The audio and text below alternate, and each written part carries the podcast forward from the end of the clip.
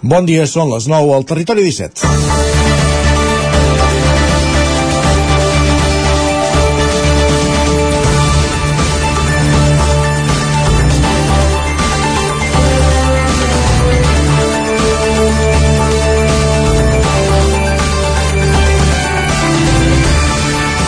Europa ens mira, era una frase recurrent en aquells dies previs als fets d'octubre de 2017 quan ens pensàvem que estàvem construint un procés d'independència modèlic i el nacionalisme espanyol responia de la forma rància i violenta que l'ha caracteritzat al llarg dels anys i dels segles. Europa ens mirava però va deixar de fer-ho quan va veure que la casa tenia pocs fonaments o en el millor dels casos, els més ben pensats, la reacció repressiva espanyola provocava que féssim una pausa en la construcció. Fins avui, pensava en l'Europa ens mira ahir, quan escoltava la intervenció de Clara Ponsatí en anglès al Parlament Europeu reclamant algun moviment de la presidenta de la cambra davant la seva detenció i la resposta irada, histèrica, a crits i en castellà de l'eurodiputada del PP i catalana Dolors Montserrat o del rei de les bronques, també català Jordi Canyes, de Ciudadanos. Al Parlament i els eurodiputats també ens veien, i qualsevol amb dos dits de front de seguida serà més empàtic amb algú cultivat, que parla llengües i que diu el que hagi de dir amb un to correcte i mantenir les formes, que no pas amb algú monolingüe, que només parla la llengua común que nos hemos dado entre todos i ho fa a crits.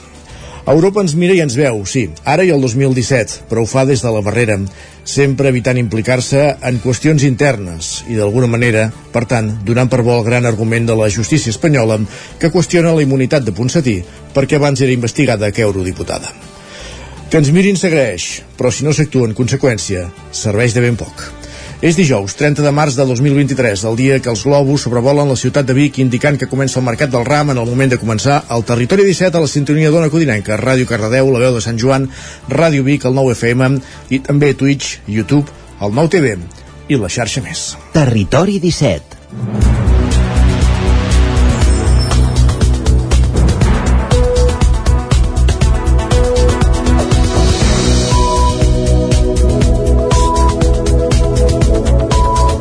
Dos minuts que passen de les 9 del matí en el moment de començar el Territori 17, el magazín de les comarques del Vallès Oriental, Osona, el Ripollès i el Moianès, que us fa companyia cada matí entre, de dilluns a divendres entre les 9 i les 11. Amb quins continguts? Doncs els avancem tot seguit, els continguts d'avui, el menú del dia d'avui. En aquesta primera mitja hora abordarem les notícies més destacades de les nostres comarques. També farem un cop d'ull al cel per saber la previsió del temps amb en Pep Acosta des d'Ona Codinenca i la Clàudia Dinarès ens, ens acompanyarà fins al quiosc per repassar repassar les portades dels diaris del dia. A partir de dos quarts de deu pujarem al tren, com cada dia a la Trenc d'Alba, a l'R3, amb l'Isaac Muntades, recollint les cròniques dels oferts usuaris de la línia de tren Barcelona-Vic-Ripoll-Puigcerdà, i a l'entrevista en Roger Rams, des d'Ona Cunidenca, Cunidenca, ja ho direm, conversa amb el músic Loputo Cat. L'escoltarem a partir de dos quarts de deu, com dèiem just després de pujar al tren. Acabarem aquesta primera hora a la plaça, l'espai de nova economia que cada dijous ens acosta la Maria López i 11.cat per arribar al punt de les 10, com dèiem, amb música, si és el cas. Notícies a les 10, la previsió del temps i a la Foc Lent avui parlarem de xai. Ho farem amb un ramader, amb Miquel Casas, un, de, un pastor de Grats a Can de Bànol que té una explotació d'ovelles, xais i cabrits i ho farem precisament a les portes d'un cap de setmana setmana on els xais, on les ovelles tenen un especial protagonisme al mercat del ram de Vic, amb la presència de l'Associació d'Ovella Ripollesa i aquest segon concurs morfològic d'ovella ripollesa. Això serà la Foc Lent, parlarem d'aquest producte gastronòmic de la cuina catalana, del xai, i a partir de dos quarts de deu eh, ens endinsarem al món de Twitter, repassant les pilades més destacades, cinema, des de la veu de Sant Joan, amb en Joan Garcia i en Gerard Fosses, repassant les estrenes i les cartelleres de les sales de casa nostra, i acabarem el programa com cada dijous amb algunes recomanacions de sèries. Aquest és el menú del Territori 17 d'avui, i ara, quan passen 4 minuts de les 9 del matí, ens posem en dansa amb les notícies més destacades de les nostres comarques, les notícies del Territori 17, les notícies del Vallès Oriental, Osona, el Ripollès i el Moianès per explicar-vos que el Paranimf de la Universitat de Vic s'omple en l'acte d'homenatge a l'exalcalde de la ciutat, Jacint Codina, que va morir l'any 2021. Clàudia Dinarès. Jacint Codina va ser alcalde de Vic amb Convergència entre 1995 i 2007 i va morir l'any 2021 als 78 anys. Militant d'Unió Democràtica abans dels tres mandats a l'alcaldia, havia estat tinent d'alcalde en els governs de Ramon Muntanyà i també de Pere Girbau.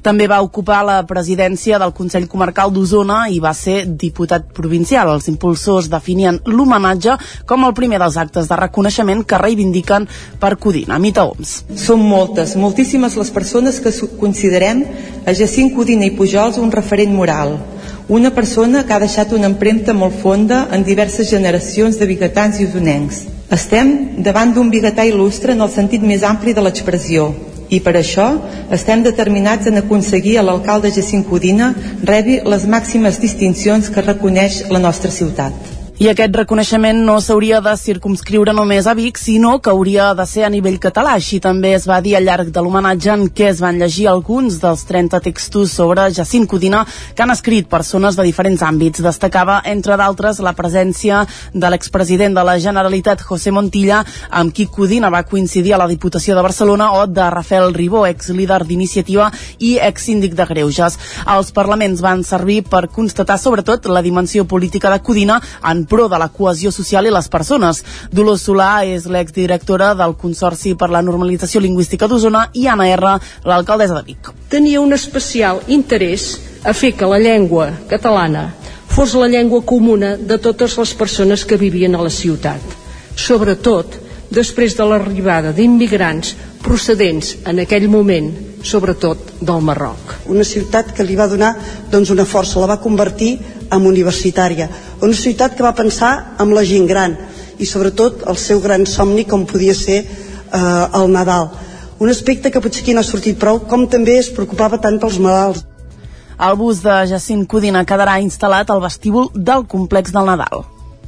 Més qüestions encara a la plana política. El primer secretari del PSC, Salvador Illa, acompanya Miquel Illa com a candidat del partit a l'alcaldia de Vic que Miquel Illa i Salvador Illa comparteixen coses més enllà del cognom es feia evident aquest dimarts a la presentació oficial del cardiòleg Bigatà com a candidat del PSC a l'alcaldia de la capital usonenca.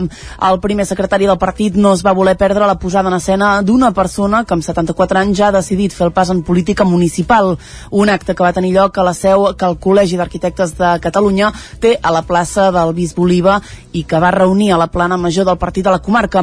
Miquel Illa va definir-se com un polític nou i atípic i va reconèixer que es, fa, es va fer militant del PSC en hores baixes pel partit. Una decisió que va prendre després de veure una intervenció de Salvador Illa en un debat. Ell és precisament qui va animar qui el va animar fa només uns mesos a encapçalar la llista del partit a Vic, Miquel Illa. I vas dir, no, escolta, Salvador, perquè jo, que sóc molt gran, ja tinc, eh, tinc els meus anys, que és clar que tim, pam, i ell em va dir, escolta'm, deixa'm, són molt punyeteros aquesta gent, em va dir, farem una enquesta i llavors et, et trucaré i vindràs a veure Barcelona al meu despatx.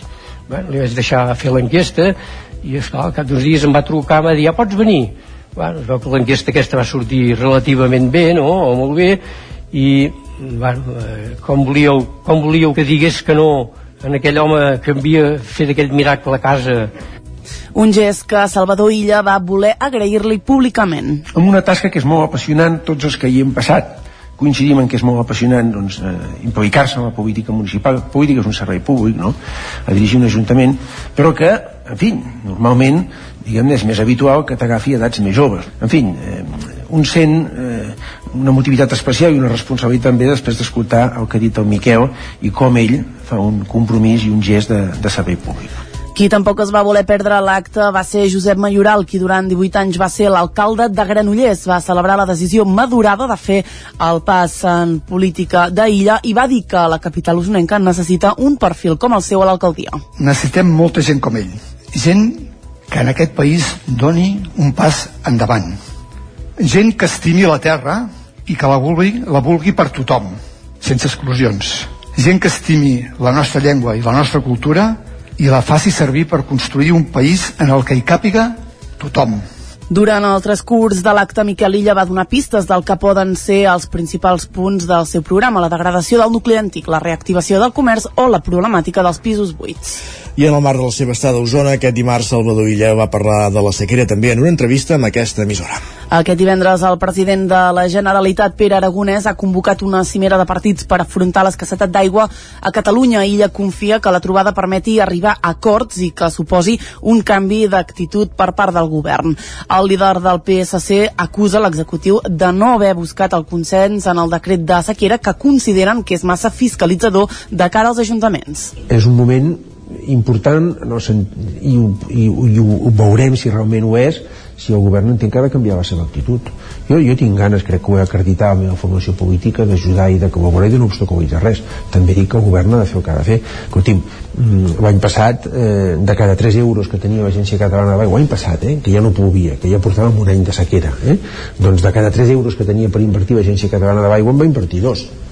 D'on treu aquest número de la memòria de vaca? Del 2022 una situació que, segons ella, només se'n pot sortir amb col·laboració i amb pluja el pressupost d'aquest any que hem acordat vam insistir molt en que es posessin inversions rellevants en matèria d'aigua, no? concretament eh, inversions per augmentar l'aigua regenerada a la conca de, del Besòs i per augmentar també la desaladora de la Tordera, però això tardarà un temps. Ara la situació és, insisteixo, preocupant, hi ha un marge d'acció limitat que hi ha i només ens en podem sortir si generem una dinàmica de col·laboració i, i si hi ha pluja, no? En l'aprovació del decret, tant el PSC com Junts, la CUP i els Comuns es van abstenir. Més qüestions anem cap al Ripollès perquè l'oposició de Ribes de Freser demana explicacions pel cessament de la secretària i el fet d'haver tingut quatre secretaris en quatre anys.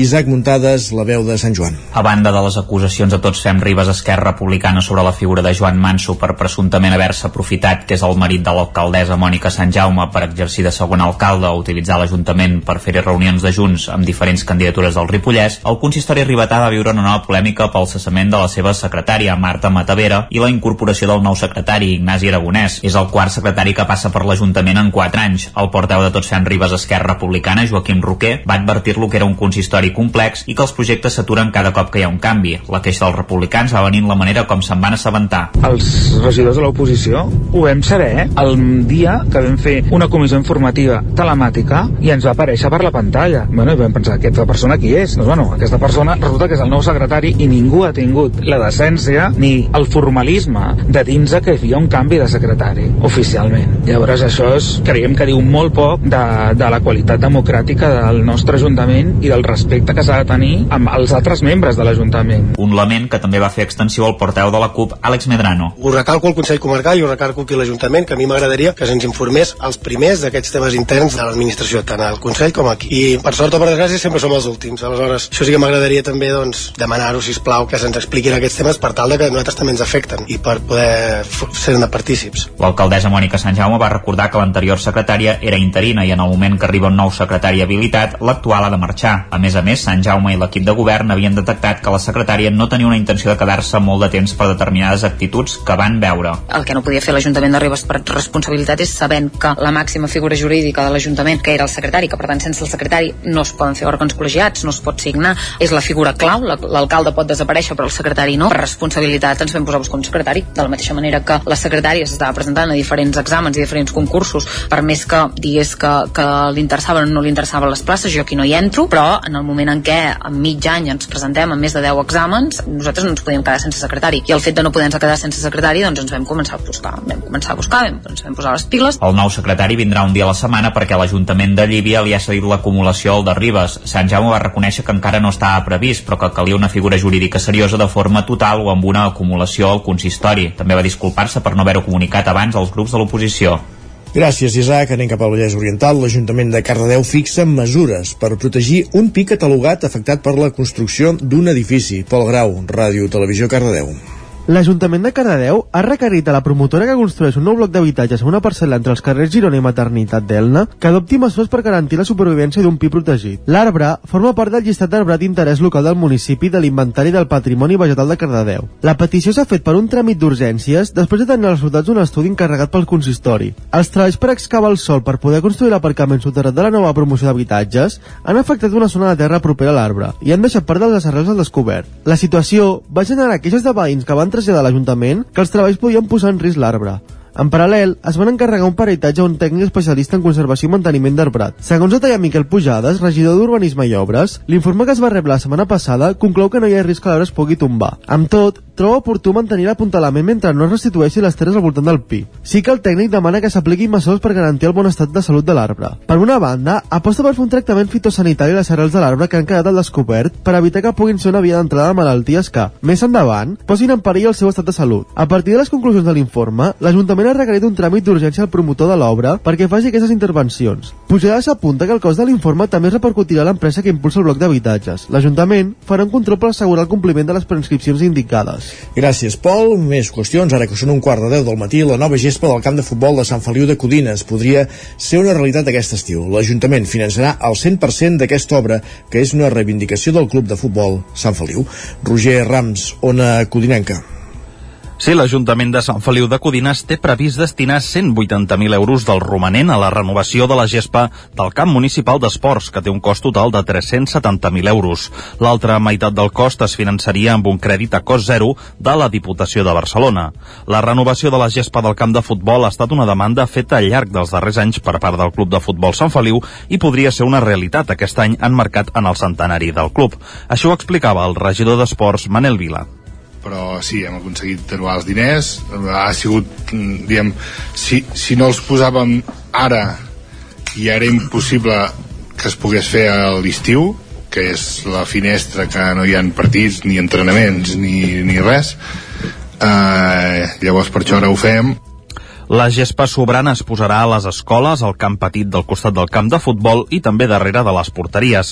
També es milloraran les torres de llum i les tanques. Els accessos al camp de la instal·lació de moment no es farà perquè ho explica el regidor.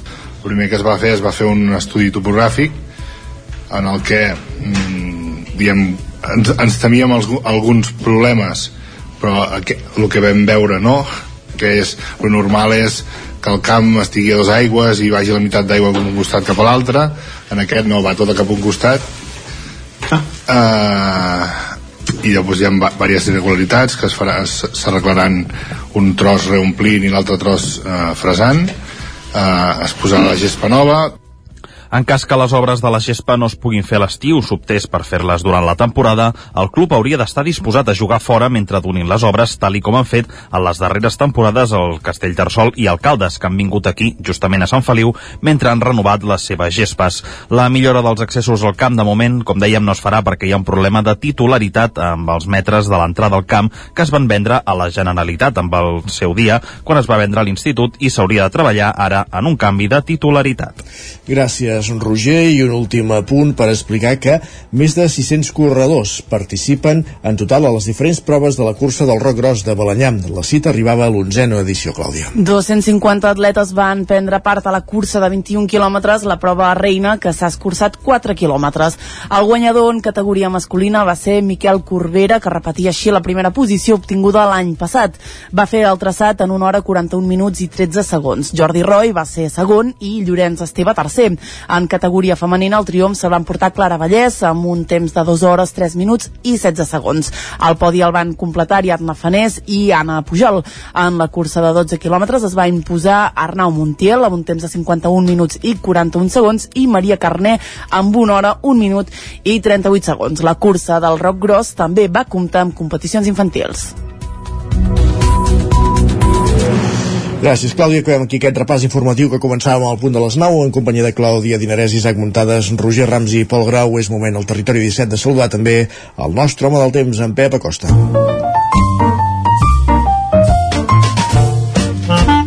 Casa Terradellos us ofereix el temps. Ja ho sabeu, el nostre mal temps l'anem a pescar a Ona Codinenca, el tenim molt capficats amb la sequera. Pep Acosta, bon dia. Hola, molt bon dia, què tal? Déu nhi quina, quina nit més càlida, eh, no fa fred en lloc, quines temperatures, aquest vent de sud com es fa notar, eh, amb això, amb unes temperatures molt altes per l'època de l'any, eh, cap glaçada, gairebé cap lloc, eh, no sé, no, no, no és gens normal això, aquest anticicló que ens, apost, que ens aporta aquests vents de sud escalfats, uh, en definitiva no, no en vez de març, amb aquestes temperatures, no sé, no sé què passarà més endavant, perquè és que això no, no pot continuar així, és que si continua així, mm, és, que, és, que, és que no sé què passarà, no sé què passarà, perquè és que no, no, mm, no és bo per ningú, eh, ni, ni, eh, per cap espècie viva del planeta, ni, és que, és que res, és, és, és una, una bogeria el que està passant. Ahir unes temperatures màximes de 26-27 graus. Mm, avui en alguna població sobretot a Ponent es pot arribar als 30 graus quan normalment eh, a, l'any s'hi arriba els primers dies al, a finals de maig o principis de juny mm, imagineu com pot escalar el termòmetre més endavant eh? vull dir, no no sé, ja no sé no sé ni què dir pràcticament uh, pocs núvols avui seguim amb aquesta dinàmica de sequera total un mes de març sequíssim que ho ha, a més amb aquests, vents de ponent, de sud encara ho ha aixugat tot més una situació uh, molt complicada, molt complicada. I avui les temperatures igual d'altes que ahir o fins i tot un o dos graus més altes. Uh, realment un escàndol d'escàndol el, que està, el que està passant. Uh, no hi haurà cap precipitació avui novament. Uh, uh, gairebé cap núvol i això que és vents de sud uh, que aporten uh, aquesta pujada marcada de les temperatures.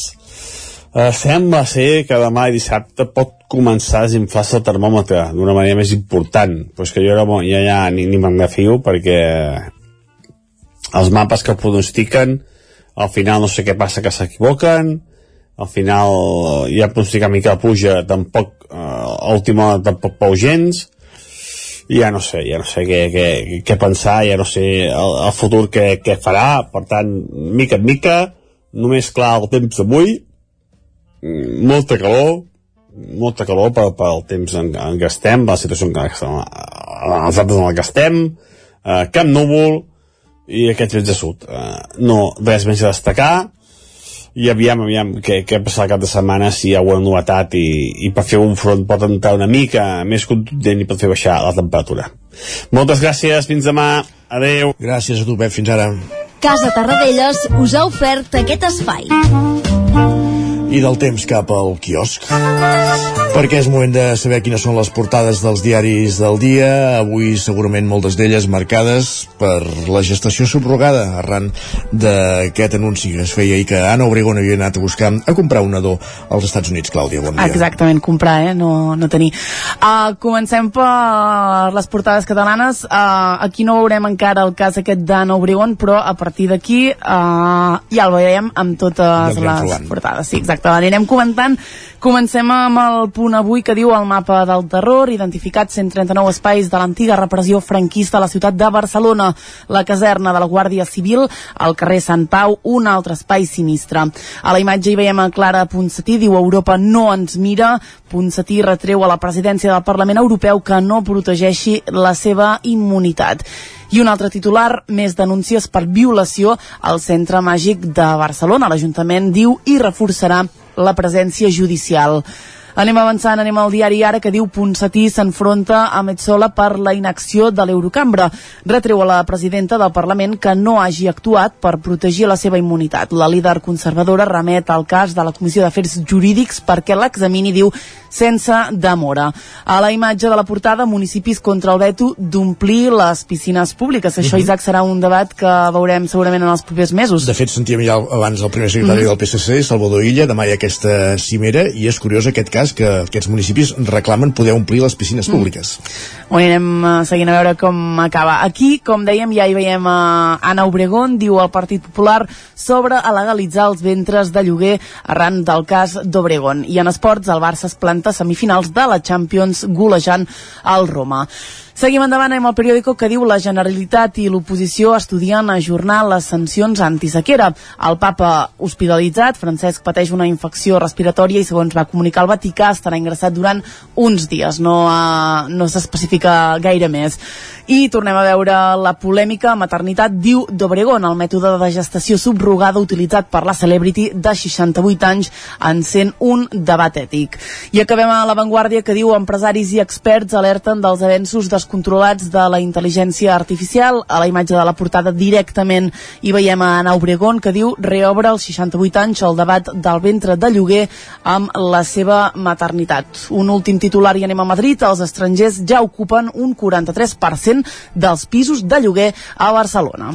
Doncs aquestes són les portades dels diaris que s'editen a Barcelona. Com bé deies, anem cap als que s'editen a Madrid. Doncs aquí veiem unanimitat. Tots ens parlen d'Anna Obregón. Comencem pel país que diu els partits reobren el debat sobre els ventres de lloguer. També veiem el papa que diu ingressat per problemes respiratoris i el govern pacta amb l'Església eh, la fi dels privilegis eh, fiscals. Marlaska en política vincula de los Cobos amb els fons del cas Kitchen. En canvi, qui no deu sortir aquí és la Clara Ponsatí, eh? Aquí no, aquí no. Tampoc la veiem a la portada del Mundo, eh, que diu Sánchez demanarà a Chikamadi davant de Putin per frenar la guerra a Ucraïna i que no li doni armes. A la imatge de la portada hi veiem Ana Obregón, diu el cas Ana Obregón, desafia els límits de la gestació subrogada. El govern censura l'actriu després d'anunciar la seva maternitat als 68 anys. Consideren que és violència contra les dones. Anem acabant, anem a la raó que diu Moncloa renega de la, gestió, de la gestació subrogada que va pactar amb Ciutadans. El Partit Socialista s'alia ara amb Podemos i assegura que és una forma d'explotar el cos de la dona, diu el PP, defensa que s'obri el debat sempre que no hi hagi una compensació econòmic. Portarà cua aquest tema. Sí. I acabem amb l'ABC que diu el Consell d'Estat demana al govern més rigor en les seves lleis i com no podia ser d'altra manera veiem una imatge d'Irene Montero, la ministra d'Igualtat i el titular diu l'executiu reobre el debat de la gestació subrogada pel cas Obregón. Irene Montero, Montero perdó, ho qualifica de violència contra la dona. Doncs Clara Ponsatí i, i Anna Anna Obregón, els dos noms propis de les portades d'avui dels diaris. Moltes gràcies, Clàudia. Fins ara. Fins ara. Avancem al territori 17. Tot seguit el que fem és una petita pausa per continuar amb els continguts previstos per avui. Pujarem al tren amb l'Isaac Muntades a la R3 per repassar, recollir les cròniques dels oferts usuaris de la línia i després escoltarem com la conversa que ha mantingut en Roger Rams des d'una codinenca amb un músic, l'Oputocat, just abans per donar, de donar pas a la plaça, l'espai de nova economia i avui parlant de mones de Pasqua. 3 minuts i tornem. El nou FM, la ràdio de casa, al 92.8. No t'ho creuràs, m'ha trucat el servei tècnic oficial de Saunier Duval perquè han detectat a distància que li falta aigua a la caldera. Era a casa i no me n'havia donat. I què has fet? Res, perquè el meu servei de manteniment Mi Saunier Duval Connect m'ha donat una solució en qüestió de minuts. Informeu-vos a connectivitat.saunierduval.es. Saunier Duval, sempre al seu costat. Cefusol, centre de formació de soldadura GURB. Som especialistes en processos de soldadura. Disposem d'instal·lacions totalment equipades per a classes de teòrica i pràctica amb cabines individuals i equipaments de seguretat. Assessorem empreses i oferim cursos subvencionats i bonificats.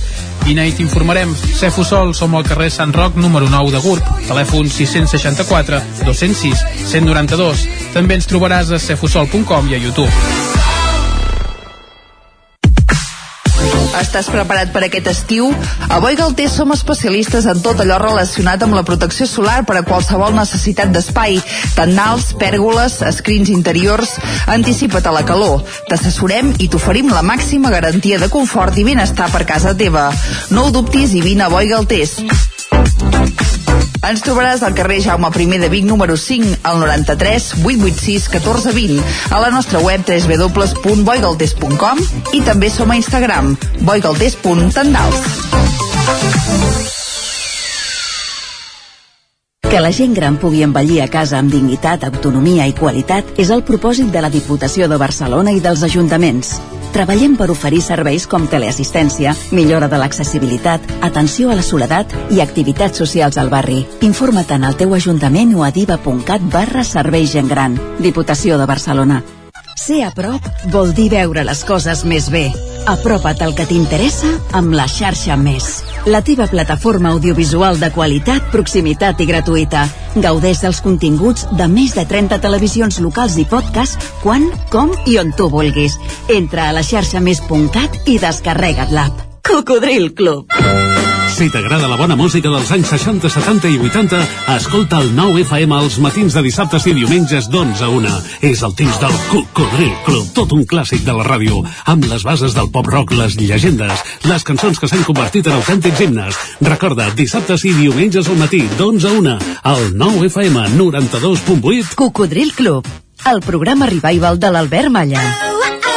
Hasta luego, cocodrilo. Anuncia't al 9FM. La màquina de casa. 9 3 8 8 9 4 9 4 9 Publicitat arroba al 9FM.cat. Anuncia't al 9FM. La publicitat més eficaç. El 9FM, el 9FM, el 9FM, el 9FM, el 9FM. Territori 17.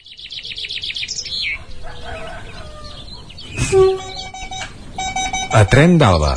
Cada dia els usuaris i usuàries de la línia R3 de Rodalies que veuen sortir el sol des d'un vagó ens expliquen les gràcies i les penes del primer comboi que uneix Ripoll i Barcelona o les feixugues jornades amb el tren després de treballar. Benvinguts a Tren d'Alba. Avui rescatem una piulada de Twitter d'en Manu FP12, que es queixa de les escales de pujada de l'estació de Terrassa, que comenta que porten aturades un mínim de dues setmanes i que quan funcionen fallen més que l'R4, o i que l'R3 també es pot dir. Es veu que hi ha operaris que les intenten arreglar cada dos per tres. Ah, i els usuaris no volen estar-ne avisats, sinó que volen unes noves rodalies en general. Per cert, l'usuari apunta que les escales són del 1992, que és l'any que es va inaugurar l'estació. És a dir, que són olímpiques i tan velles com un servidor. Rodalies posa d'excusa la falta de subministrament de peces per part del mantenidor i que la reparació de les escales mecàniques s'ha ampliat més temps del desitjat. Bé, no és que s'hagi ampliat, és que encara no s'han reparat. A veure, dues setmanes són molt poques, si les comparem amb el temps que van estar parades les de l'estació de Vic. Allò sí que era un autèntic drama. Va, ens retrobem dilluns amb més històries del tren i de la R3. Territori 17, el 9 FM, la veu de Sant Joan, Ona Codinenca, Ràdio Cardedeu, Territori 17. Minut i mig que passen de dos quarts de 10 del matí.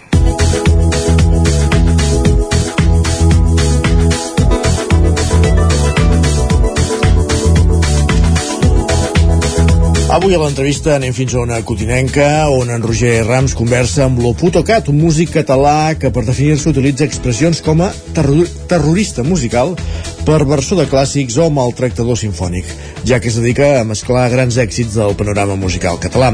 Avui ens presenta el seu nou disc titulat La nostra festa, que es dedica a repassar i recopilar temes que sonen a les festes populars d'arreu del país, com l'Escaldàrium de Caldes de Montbui o la dansa de Castellterçol al Moianès. Roger Rams, benvingut, bon dia. Doncs avui eh, tenim aquí els micròfons d'Ona Codinenca a l'Oputocat. Ell és un eh, músic català que es defineix com un perversor de clàssics, un maltractador musical, entre d'altres eh, qualificatius. L'Oputocat, què tal? Benvingut. Hola, què tal, com esteu? Molt bé, i tu? Doncs enfeinat, estic enfeinat perquè m'enganxeu en plena promoció del disc i, bueno, passo el dia allò a xarxes socials promocionant amunt i avall, entrevistetes, que ja m'agrada, enfeinat però per bé, per bé, per bé. Això sempre és bo, doncs. Uh, si et sembla, uh, comencem parlant una mica uh, que, que ens expliquis què és l'Oputocat, com sorgeix, com comença aquest projecte. Bueno, la Putocat va sorgir una miqueta de l'avorriment, com surten a vegades moltes coses. Quan tens temps lliure, eh, et poses davant de l'ordinador a produir música i veus, vas fent cosetes així per distreure't i quan en tens moltes, moltes de fetes dius, hosti, i ara què faig jo amb tot això? Doncs vinga, ho penjo a xarxes socials i, i a veure què passa. Sí, sí, mira, per sentir-ho només jo, doncs que ho senti tothom. I, I és el que vaig fer al principi, ho vaig penjar, a la gent li va fer gràcia, i doncs vinga, pelante, tu. I vaig començar a tirar aquests remixos endavant, a crear una miqueta el projecte, i va ser una miqueta com que va prendre vida, vida pròpia. Uh -huh. A quin any va ser això? Ui, no, no t'ho sabria dir, diria que és els vols del 2015, si no vaig errat. Uh -huh. I, per tant, eh, tu comences fent eh, remix, versions de, de clàssics de, del món, eh, de, del panorama musical català. Sí, Sí, sí, jo vaig començar fent el que en l'argot eh, anglès es diuen bootlegs, que són remescles no oficials, és a dir, que no tenen el, els permisos ni els drets de, dels artistes originals, no són il·legals, però són, diguem-ho, alegals, és a dir, no estàs cometent cap, cap delicte, perquè, evidentment, mm, pots fer el que vulguis amb la música, però no, no et pots lucrar amb ella, i, i vaig començar amb això, doncs fent bootlegs, però simplement per diversió Uh -huh. i mica en mica doncs va anar, va anar prenent volada el projecte i, i al final vaig acabar a Spotify ja per un tema fem, una miqueta ja més, més seriós, més, més legal, més, més, més seriós. Uh -huh.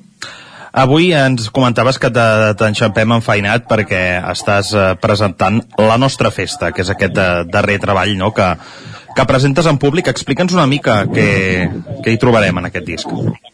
Doncs mira, la nostra festa és, és, un, és el meu primer disc.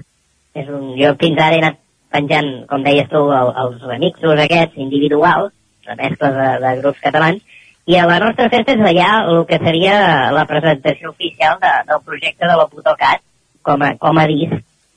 És un disc digital, no té format físic perquè no, no li acabo de veure la necessitat de treure el físic, i és un disc digital que el disc ja ho ai, el, el títol, perdó, ja ho diu tot, no? És la nostra festa, és un disc que parla de, de nosaltres, de, de, dels catalans, de les, de les festes populars, de les nostres cançons que ens han acompanyat des de que som petitets, no? Són melodi... Moltes de les cançons del disc són melodies que hem sentit en algun moment o altre de la nostra infantesa i que fins ara la, a, a, l'adolescència, a la maduresa i, i molta gent fins a la vellesa doncs, els han acompanyat tota la vida.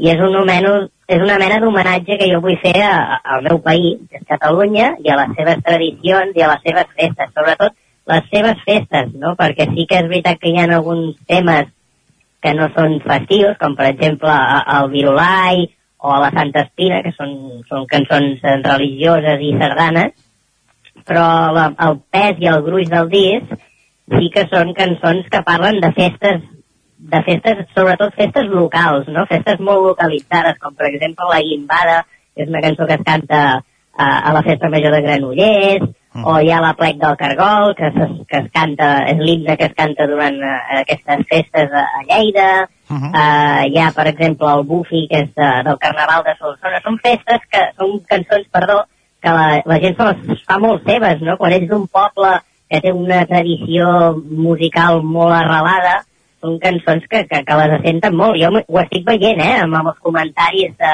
de la gent de- del disc, estàs veient que hi ha pobles en concret que, que han estat representats i, i, i que et donen les gràcies no, per, per fer aquesta mena d'ho- d'homenatge. I la nostra festa no deixa de ser això, és una mena d'homenatge que jo faig no només a, a la música de, del nostre país, sinó als pobles del nostre país i a la gent del nostre país que jo he tingut l'honor d'anar coneixent a, a, a còpia d'anar doncs, de, de concert en concert. Mhm, Perquè és un treball eh, exhaustiu, és a dir, has eh, voltat per tot el territori eh, explorant no, aquestes eh, festes populars. Les has viscut totes? Totes no, Eh, totes no. Al algunes les he, les he viscut fora de, del projecte musical ja a títol personal. Uh, dins de l'Autocat he tingut l'honor de participar en algunes i de fet hi ha alguna cançó del disc que, que jo he decidit incloure-la per donar les gràcies a la, a la gent que en aquell moment eh, va voler comptar amb mi per participar i per fer-me partícip de la seva festa, no? com per exemple la guimba de, de Granollers que hi vaig estar l'any passat i vaig al·lucinar molt amb, amb l'acollida de la gent i jo crec que la millor manera doncs, d'agrair-los seria, per exemple, incloure aquesta cançó. I potser totes, totes, totes no les he viscut, però la majoria de les que estan al disc sí, sí, sí. Per tant, ara ens parlaves de Granollers, de Lleida, de Solsona. Jo et volia preguntar per dues que ens eh, toquen, diguem, de, de molt a prop aquí a Sant Feliu de Codines. D'una banda, eh, l'Escaldàrium de Caldes. Eh, aquesta l'has viscut? Eh, Explica'ns per què, per què inclòs l'Escaldàrium. Doncs mira, a l'Escaldàrium no, no he tingut l'honor de, de viure-ho encara. El viuré aquest any per primer cop perquè m'han convidat. Eh, actuaré a, la, a, a Caldes de Montbui aquest estiu, durant l'Escaldàrium. Estic super il·lusionat i super content. I, I he de dir que potser és una de les cançons del disc de les festes, ja per dir-ho així, que menys coneixia. Jo a l'Escaldàrium no, no en sabia gran cosa. Eh, si sé alguna és gràcies a, a seguidors meus que, que m'han parlant, no? I recordo que fa potser dos o tres anys enrere alguna persona em va dir ostres, per què no remescles l'Escaldàrium? Jo em vaig quedar una mica així, Escaldàrium, què és això, què és això? Vaig buscar, em vaig informar, vaig veure-ho i, i vaig al·lucinar. Vaig al·lucinar molt realment amb els vídeos que he pogut veure i tota la música que he escoltat de la composició, tot el que és l'espectacle, perquè a més a més l'Escaldàrium és tot, és tot un repertori de cançons, no? No només és una cançó sola. I vaig al·lucinar molt. El que passa que aquí sí que és veritat que, que clar, vaig haver d'escollir una de les cançons de, de l'Escaldàrium i més o menys per lo que em vaig informar el salt de les bruixes és potser la cançó que, no, no sé, ara és una opinió personal, eh? Però potser la cançó que més representa tot, tot l'espectacle, no? Mhm. I és la que vaig escollir. En el disc es diu Escaldàrium, evidentment no és Escaldàrium, és el salt de les bruixes, però bueno, és una manera doncs de- d'englobar-ho tot. Mhm. I una altra de les que també tenim aquí ben a prop, a la comarca del Moianès, és la dansa de Castellterçol. En aquest eh, cas, què és el que, el que t'ha cridat l'atenció? Perquè l'Escaldàrium i la dansa de Castellterçol diríem que són dues festes eh, molt diferents entre elles. Sí, sí, sí. Clar, en, en el disc sí que és veritat que, eh, que el gruix és, són cançons així molt locals, però també volia incloure cançons que, que siguessin conegudes arreu del territori, no? I en aquí jo crec que pel que fa a Catalunya i a la cultura tradicional els esbarri tenen un, un pes molt, molt important. Uh, jo havia vist ballades d'esbar, de, de petitet, havia anat a, a veure ballades d'esbar, i hi havia algunes cançons que no fallaven mai, no? no? No fallaven mai. De fet, dues de les que no fallaven mai estan en el, en el disc. Una és la, el Ball de Gitanes de Rubí, que gairebé ho veies a totes les exhibicions dels bars de Catalunya, i després hi havia la dansa Castellterçol, que també és una, és una dansa que, que també la coneixen tots, i el que no l'ha vist ballar segur, segur, segur que l'ha sentit eh, eh, l'ha sentit en algun moment o altre de la nostra vida, no? Mhm. Ara ens comentaves que un dels punts per on eh, voltaràs aquest eh, proper estiu, en aquest cas, és a Caldes de Montbui, a l'Escaldàrium. No sé si ens pots avançar algun eh, concert més eh, d'aquesta gira. Uh, bueno, aquesta gira uh, és una gira que jo me, la- me la vull agafar amb bastant de calma perquè prefereixo fer poquet i bé que molt i, i malament ja que va saturat I, i bueno, uh, van, hi ha, aquest any hi ha una gira bastant maca de poblacions que no he estat mai, hi ha alguna que repeteixo uh, però també he intentat doncs, que totes les poblacions que estan representades en el disc anaria a presentar el disc i per sort he tingut la sort de que molts ajuntaments eh, els hi vaig fer la, la proposta, els hi vaig fer arribar eh, el disc i els hi vaig explicar una mica de què va tot plegat i molts ajuntaments han dit, ostres, això és perfecte, sí, sí, vine al nostre poble, aquesta festa major i, i fas la presentació. Per tant, moltes de les, dels concerts encara legalment no els puc, eh, no els puc fer públics perquè per contracte no es pot dir, però sí que ja us, us puc avançar que moltes de les cançons que estan en el disc, eh, en el poble d'aquell, hi seré aquest estiu. I llavors, doncs, també seré, eh, com, com us deia, a, a Caldes de Montbui, aquest sí que ja es va fer públic en el seu moment, eh, estaré a Caldes de Montbui, estaré per aquí a aquesta zona, la visitaré bastant també, i llavors estaré a, a festivals, algun festival també trepitjaré, estaré en el Freedom Fest, que és el dia 1 d'abril a Torrelameu, a Lleida, llavors també seré al Festiuet, de, al mes d'agost, a crec que és el Vendrell, si no m'erro, i hi ha un altre festival que tampoc encara no puc anunciar, però que també, també estaré per allà.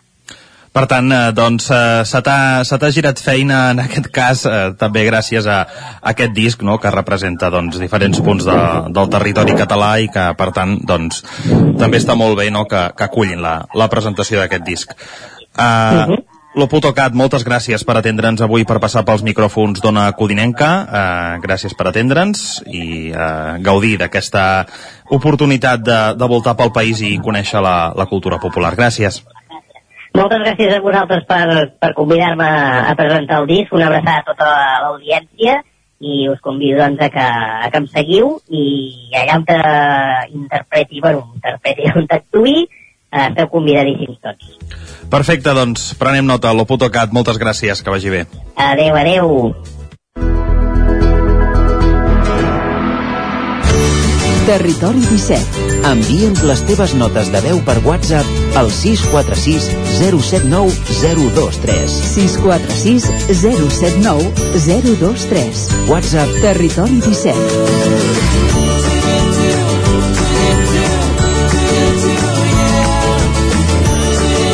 Territori 17. Som a Facebook, Twitter i Instagram amb l'usuari Territori 17.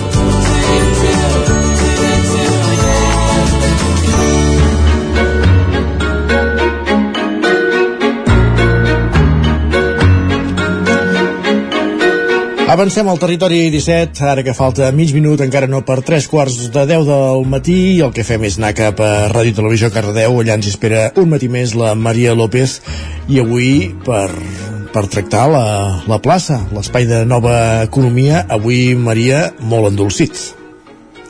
Exactament, bon dia Isaac, uh, som un dijous més uh, perquè ens endinsem a la plaça i uh, avui ho fem doncs, per parlar d'uns dels negocis més tradicionals, podríem dir, del nostre país. I que al mateix temps no passa de moda sempre que s'acosten aquestes dates, la Setmana Santa. Parlem de les mones de Pasqua, aquell pastís en forma de tortell de coca ensucrada amb ous durs, que a Catalunya, amb ous durs el tradicional, eh, que això s'ha anat variant bastant, que a Catalunya mengem tradicionalment el dilluns de Pasqua i que regalen els padrins als seus fillols o filloles escoles. Tot i que això també s'ha anat desdibuixant una mica amb el temps, ja que no tothom té padrins i al final la porta bàsicament qui el paga i el porta i ens el mengem i, i prou, eh? La tradició diu que el nombre d'ous ve determinat per l'edat de l'infant, n'hi ha d'haver tants com anys eh, tingui aquest infant. Aquesta tradició es mantenia fins que els fillols rebien la primera comunió. Ara jo en tinc algun que faria temps que l'hauria d'haver fet i encara et demana la mona de Pasqua, sí que crec que també s'ha allargat una mica amb el temps, això. Creativament també hem anat evolucionant aquesta tradició, afegint variacions creatives, fins i tot avantguardistes en molts casos. De fet, ja és un clàssic dels informatius d'aquests dies veure quina és la tendència en moda de mones de Pasqua. Així que per parlar avui de, de les mones de Pasqua i del negoci de les mones de Pasqua ens acompanya l'Eric Ortuño. Ell és mestre xef pastisser, fundador de l'Atelier de Barcelona, pastisseria i alhora escola situada al cor de Barcelona. És un renombrat pastisser que va iniciar la seva carrera a França. L'Eric ha estat premiat en diferents ocasions. L'any 2022, de fet, va rebre el premi al millor panetone, tot i que avui no toca parlar de panetone, sinó de mones de Pasqua. Molt bon dia, Eric. Molt bon dia. I també vam tenir ara fa poc a, a la millor mona de, de, de Catalunya de xocolata. Epa, Fa ara, ara sí, ara sí que la toquem. I Sí, sí. doncs escolta, enhorabona per aquest premi i ens acompanya també, com eh, no podia ser d'una altra manera aquí a la plaça, la Gemma Vallet, d'11 District. Molt bon dia, Gemma. Molt bon dia, Maria. Moltes gràcies per convidar-nos. Preparada per parlar de mones de Pasqua avui? Avui do- dolcets venim, eh, que deia, que deia l'Isaac. Som-hi, doncs, uh, perquè una de les coses que comentàvem precisament era uh, aquestes variacions, aquesta tendència en moda de les mones de Pasqua. Sí que, si us sembla, primer podem parlar una mica d'aquestes variacions. Quines novetats ens trobem aquest any, Eric? I com veus que les mones hagin acabat adoptant o que quasi sigui més central aquest tema de, de les figures cèlebres que, que fan, el jugador de futbol de moda que toca. Com ho veus, això? Bueno, la veritat que nosaltres eh, som una mica atípics perquè no seguim massa les modes. Eh, amb les mones que fem, aquest any hem fet mones eh, que són sobre contes infantils i vam guanyar el premi a millor, a millor mona de, de, de Catalunya amb, amb, amb el llop i els, els, els tres porquets i és la mona que més vendrem, o sigui, fem unes mones una mica sense seguir les modes. Més tradicionals, eh? Sí. Bueno, Molt bé. I amb, un aquesta és toc, que- amb un toc més modern. Aquesta és una Sí. que us han premiat i serà l'estrella d'aquest any, no entenem? I aquesta és l'estrella, sí, és la que més venem. Eh, tenim tota una sèrie també de contes infantils, de, de mones de contes infantils, però la que, la que està triomfant és, és aquesta. Si parlem de xifres, eh, primer de tot, el cost de la xocolata ha pujat? Això com us afecta a vosaltres? Sí que és veritat que ha pujat el cost de la xocolata, ens afecta molt. Va, Aquest any els Directament? sí, ens ha afectat tot, perquè tot, tot, ha pujat, eh, tot el que ha pujat doncs ens ha pujat els pastissers. Eh, els làctics, eh, oleoproducte, eh, farines, xocolata molt, moltíssim, i bueno, no, tampoc podem repercutir tant eh, sobre el preu de, de venda final, no? Això t'anava Sí, a dir, no com, com gran afecta aquest augment, no? I, I a més o menys en quin preu mig podríem estar parlant ara mateix de preu d'una mona? Tenim mones que, que, que no, intentem no disparar massa el preu, estem entre els 50 i els 70 euros. I, uh, i fem realment mones molt Això és una mona per sis persones, potser, o per quantes persones seria això? Uh, són mones que serien per unes uh, 8-10 persones. Ah, està, és gran, és gran, eh, doncs? Sí, és una, és una bona mona. Sigui que, que intentem no, no disparar-nos i treballar amb un producte de gratíssima qualitat. En quant a xifres de venda, no sé eh, més o menys si teniu una previsió de, de a nivell del Gremi de Pastissers de Barcelona, quina, quina idea teniu de quanta, quina quantitat de mones penseu que es pot acabar venent aquest any en comparació a l'any passat? pues penso que més o menys serà uh, la mateixa quantitat que l'any passat, o sigui que, que al final uh, penso que cada any la gent uh, vol fer la mona sí o sí i més o menys al final venem el mateix i fins i tot a vegades anem pujant una miqueta. Segons el Gremi de Pastissers, l'any passat estàvem al voltant de les 700.000 mones, eh? això perquè d'alguna manera ens fem tots una, una idea de les xifres. 700.000 són moltes mones, eh? Són moltíssimes mones. Són moltíssimes mones. És una gran tradició al Gemma. final, no? Totalment, Gemma, endavant. Sí, ti- tinc una pregunta. Eric, eh, tu has notat que continua sent una moda si la gent normalment ho agafa o veus que hi ha variacions? O ho has d'explicar, saps? M'explico, és a dir, la mona és una cosa que sabem aquí i si ve una persona de fora o que ja no segueix la tradició, li expliqueu? Eh, sí, als altres els hi encanta, o sigui, és una tradició molt única i que, i que els hi encanta com a tradició. Quan venen, eh, nosaltres aquí a l'esco- eh, tenim escola també i tenim molta gent de fora i, eh, i quan els expliquem, pues, al·lucinen. No? És una tradició que és única al món. Eh, no es ven tantes figures de xocolata com a, com a Catalunya, en ningú lloc del món. O sigui, és... Sí, sí, és, Sí, és al·lucinant pregunta- que... Mm. Eh, Disculpa, Eric. L'altra pregunta que, et, que volia fer, eh, donat que teniu a escola, quan feu el plantejament, per exemple, del premi a la millor mona, fe- feu algun procés creatiu per a escollir el concepte, etc. Bueno, cada any eh, escollim un concepte global de lo que farem com, eh, com mones. Eh, L'any passat vam ser una mica més artístics, vam fer les mones sobre els docents del Jeff Koons eh, i aquest any anem, anem molt més infantils, o sigui, cap al públic realment infantil i sí, és un treball d'equip al final i de, i de tot l'equip que va pensar una mica quines mones farem.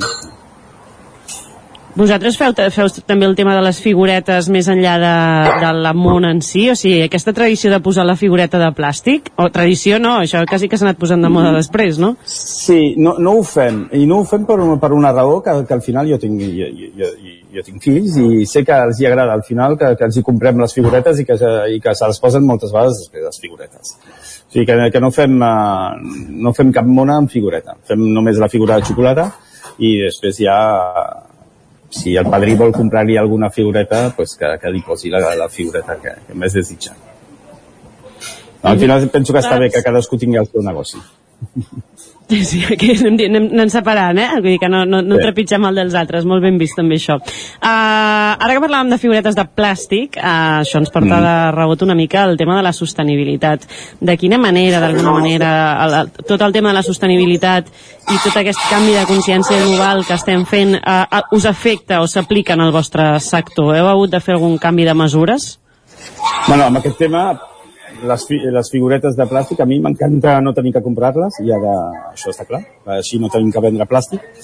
Intentem eliminar al màxim les caixes que tenim de, de, de figures de xocolata, tenen un mínim de plàstic, eh, són quasi bé de cartró, només una finestreta petita, i tenim molts, eh, molts, molts tipus de plàstics també ara, que, en bolsetes aquí a la botiga, que, que, que, que són eh, compostables. O sigui intentem al màxim, eh, no tenim eh, la- l'aigua, tenim aigua filtrada, eh, intentem ser una mica sostenible. Però és veritat també que és difícil de parlar de sostenibilitat amb el xocolata. No? Quan és un producte que ens ve de tan lluny i que, i, i que sabem que molt sostenible tampoc és. Ja, aquí d'alguna manera ja és... Però que aquí d'alguna manera ja es dificulta el tema de, de fer aquest canvi de... Clar, clar, clar. Intentem un màxim, no?, el que estava dient, traiem plàstics de, de, de tots els envoltoris, eh, treballen, eh, tenim una, una botiga i una escola molt nova, i això fa que a nivell energètic també la maquinària que tenim és molt nova i gastem molt menys energia que, que, que segurament un altre obrador. Eh, tot i així, és veritat que quan parlem de, del, del xocolata en si, mm, el xocolata no, no, ve, no ve de Catalunya, no? Ja. Aquí no són massa quilòmetres zero. No. Uh, escolta, ara que ens hem d'enfrontar de, a aquesta, a aquesta compra els propers dies, i encara ens queda de marge la setmana vinent, però suposo que això, els encàrrecs es deuen haver de fer amb bastant de temps, entenc. Uh, Sí, bé, ja comencem a estar ja... A tope, no? Ara, ara ja estem a tope i ja comencem, a, hi ha moltes figures que ja no fem i que ens concentrem en algunes figures i, i, i el, bueno, eh, intentar anar el més ràpid possible a la pastisseria a buscar la seva figura, perquè ara s'acaben. Doncs amb aquesta, amb aquesta idea d'haver de ja reservar els propers dies les nostres mones de Pasqua, quin suggeriment ens podríeu fer a l'hora de, de comprar-la o a l'hora de regalar-la, si, si ens toca regalar-li algú altre? Pues jo penso anar a les millors pastisseries on hi ha un, un producte d'altíssima qualitat i uh, intentar sempre pues, fugir una mica de lo industrial i anar més cap a, cap a les mones artesanes. Anar a buscar, anar a buscar l'arrel, eh, la tradició. Anar a buscar l'arrel i la qualitat. Jo aquí et volia fer la pregunta, això dels ous durs, ho feu encara amb ous durs o sí, aquí això sí que ho heu canviat pels ous de xocolata? No, això ja, sí, és veritat que està tornant una mica, eh, cada any, bueno, és, hi ha una mica de demanda, però fa molts anys que va canviar aquesta tradició. Ja va canviar als anys 40 amb el Lluís Santapau, a la pastisseria Mora a Barcelona, que va canviar dels ous durs amb eh, ous de xocolata a les seves mones, i les primeres figures de xocolata, o sigui que ja estem parlant de molts anys, i és veritat que ara totes les mones que fem, eh, molt poques, eh, molt poques ens demanen amb, amb els ous. Això ja és un tema de tradició més, més d'arrel, eh? Sí. Doncs, uh, Eric, Gemma, moltíssimes gràcies a, a tots dos per acompanyar-nos avui, per fer una mica aquesta posada a punt abans d'enfrontar-nos a la compra de la mona de Pasqua i per acompanyar-nos una setmana més a la plaça. Moltíssimes gràcies i que vagi Moltes molt bé gràcies. la venda durant els propers dies, Eric. Moltíssimes gràcies. Un plaer estar amb vosaltres. Gràcies, Gemma. I jo de seguida li torno al relleu a l'Isaac cap a. Vic uh, perquè puguem continuar amb el territori 17 d'avui. Gràcies, Maria. Molt interessant i molt dolç, com bé dèiem abans, aquest, aquesta secció avui dedicada a les mones de, de Pasqua, coneixent els detalls de, del fundador de, de l'atelier. Arribarem al punt de les 10, com procurem fer cada dia amb música, i avui ho farem amb un nou disc que surt al mercat. Ja en coneixem algunes cançons. Estem parlant de Ribar i Ploure, que es van presentar ara fa poc més d'un any amb els Paraules d'Antes. No fa massa dies sentíem la vanera, la vanera el vell Joan Carles i ara totes aquestes cançons i més, fins a 8, queden recollides al seu primer disco, que de fet s'anomena així, el primer disco. Arribar i ploure, fins a les 10 al territori 17. Amor mediterrani amb gust de sucedani no és prou guai l'escudella. El ramen és l'estrella. Ha canviat el biquini per sushi de surimi. Moderns de l'alimentació. Oblit ni perdó.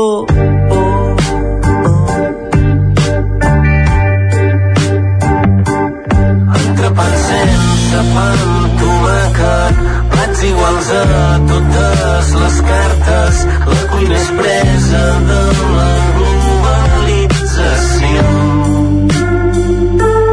On són els plats, mar i muntanya, un bon trinxat de la Cerdanya,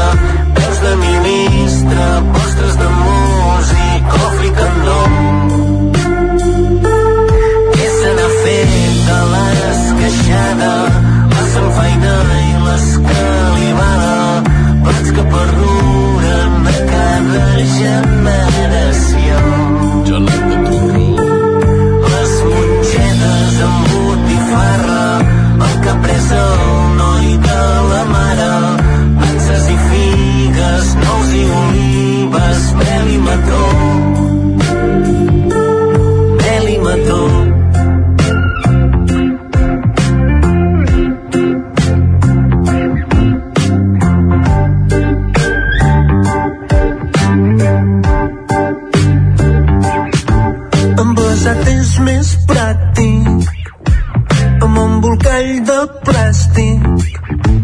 Productes ecològics amb circuits molt poc lògics.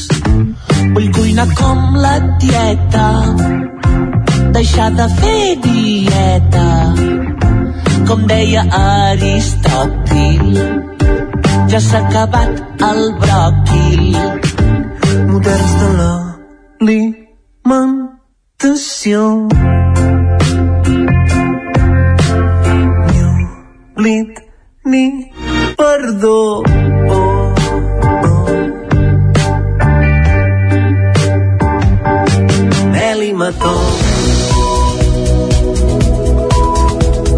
És moment al territori 17 de posar-nos al dia, d'actualitzar-nos amb les notícies més destacades de les nostres comarques, en un moment, però que l'actualitat general demana pas, perquè hi ha dues notícies que s'han conegut en els darrers minuts.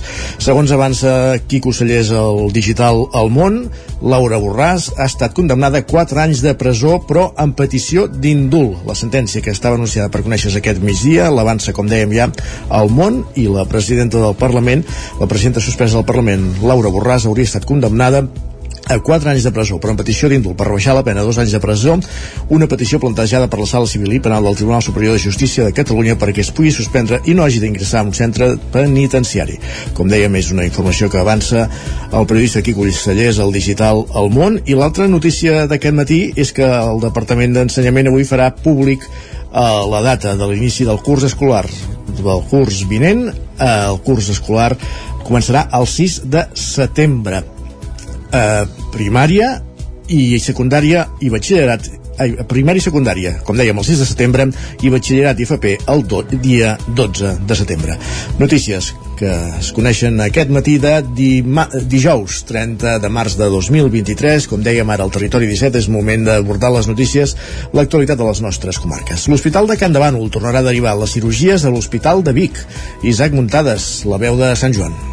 En el ple de Ripoll de dimarts, l'alcalde Jordi Monell va revelar que a partir de la setmana vinent alguns serveis d'especialitats de l'Hospital de Can de Bànol es tornaran a derivar a l'Hospital de Vic. Des del 2019, els hospitals de referència de Can de Bànol eren el doctor Trueta de Girona i l'Hospital d'Olot, però ara es tornarà a la situació anterior i les cirurgies es faran al centre hospitalari de la capital d'Osona. Això sí, alguns serveis com el d'anàlisi, els mentals o el codi ictus, entre d'altres, es continuaran fent a Girona. Monell va explicar el motiu d'aquest canvi per retornar a l'anterior model. Que era una reivindicació de bona part de la comarca del Ripollès, per un tema de comunicacions, per un tema de proximitat, per un tema de rapidesa, per tant doncs es començaran a tornar a derivar cap a l'Hospital General de Vic i això doncs, bé, és fruit doncs, de diferents accions que, que s'han anat fent, algunes des del propi Ajuntament de Ripoll, altres doncs, eh, a nivell parlamentari, amb la visita que va fer el conseller Argimon eh, aquest estiu a l'Hospital de Can de Bànol. La notícia va saltar enmig del debat de la moció presentada per l'alternativa per Ripoll CUP sobre el canvi de gestió de l'Hospital Comarcal de Can de Bànol perquè aquest passi a ser gestionat directament pel Departament de Salut. La regidora Rebeca Galavís va ser l'encarregada de defensar la moció i va argumentar que aquest model públic o privat suposa un greuge pels treballadors i els pacients perquè prioritza els beneficis econòmics i redueix plantilles, sous i serveis com detallava l'auditoria feta pel mateix centre l'any 2020. Galavís va posar l'exemple d'altres hospitals que havien fet els mateixos passos i eren models d'èxit. No plantegem quelcom excepcional, existeixen precedents ben a prop. Tenim el cas d'una capital de comarca governada per la CUP, parlem de Berga, on el seu hospital, l'Hospital Sant Bernabé, fa dos anys estava gestionat per un organisme autònom a través d'un patronat municipal i aquest va passar,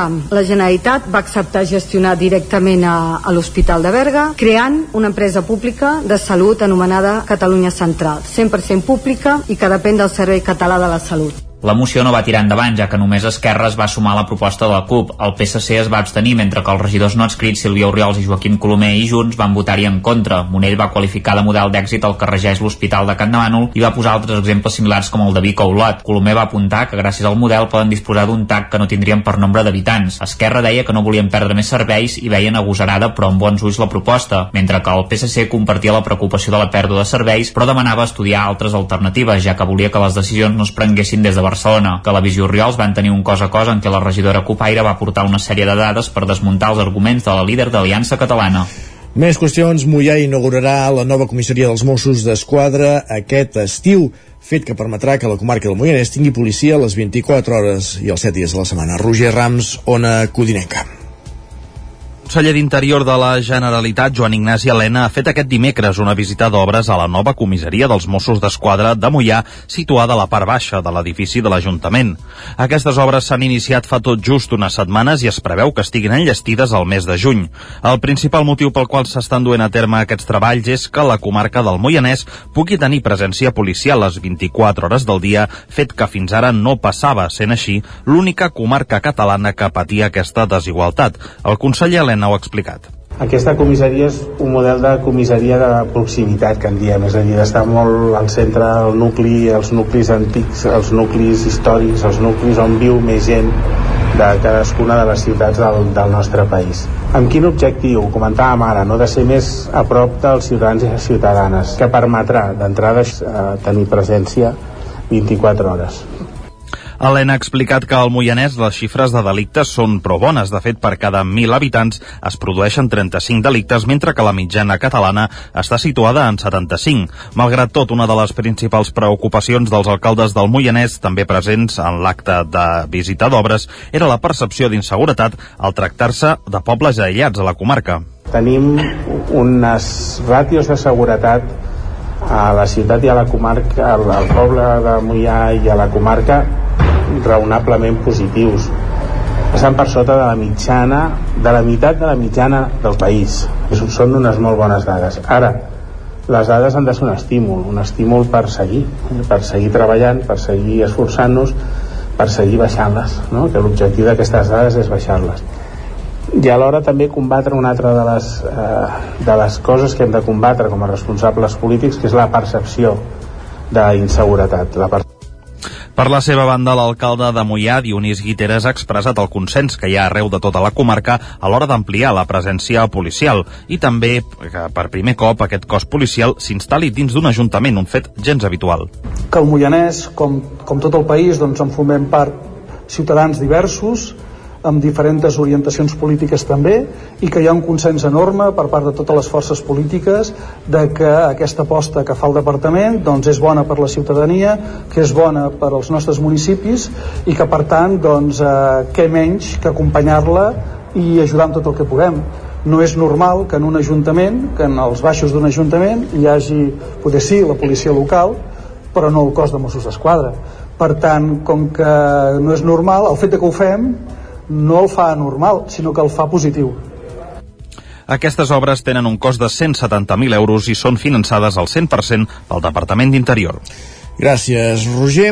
Al maig de l'any passat, l'Ajuntament de Vic va impulsar el procés participatiu per definir quin ha de ser el futur de les adoberies. Des de llavors s'hi han implicat més de 1.700 persones, Clàudia Dinarès. Doncs sí, des d'aleshores s'han recollit més de 700 propostes de tota mena, moltes però assenyalen cap a dues grans àrees, la cultura i l'habitatge, tal com explicava el regidor de participació, Josep Ramon Soldapila. Hi ha de tot, és molt curiós, eh? Dels, hi, ha, hi ha idees de, dels infants que són, que són molt curioses, però eh, tothom s'imagina com un joc participatiu, com un joc que la gent pugui ser i que pugui circular i que pugui eh, dir-hi la seva i que, i que pugui fer-hi coses, no? Sobretot molt temes culturals, molt temes d'espectacles, de, de, molt temes així que... I, tam, i també d'habitatge, també hi ha la preocupació aquesta de que també puguis, es pugui mantenir una miqueta doncs, com a zona també de, per, per, per viure-hi, no?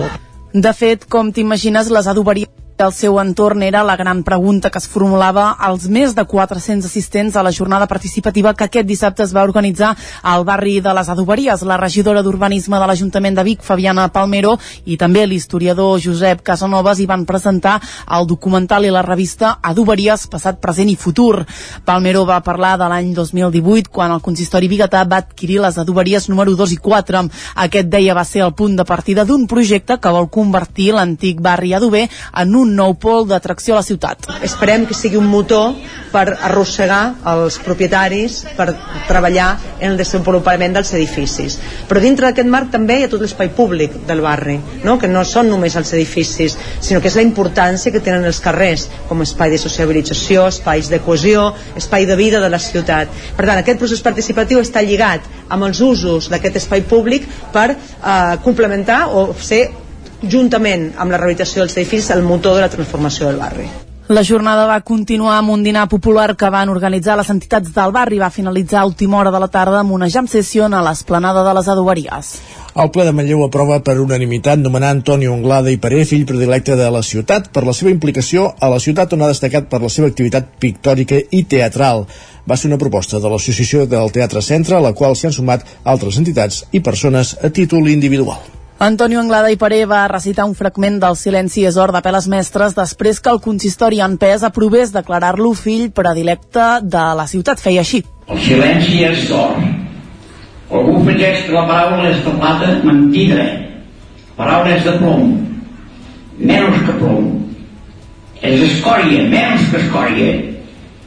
És aire, és el buit, és res. Perquè parlar és la cosa més vana, més inútil, més estèril, més com us diré, més etcètera.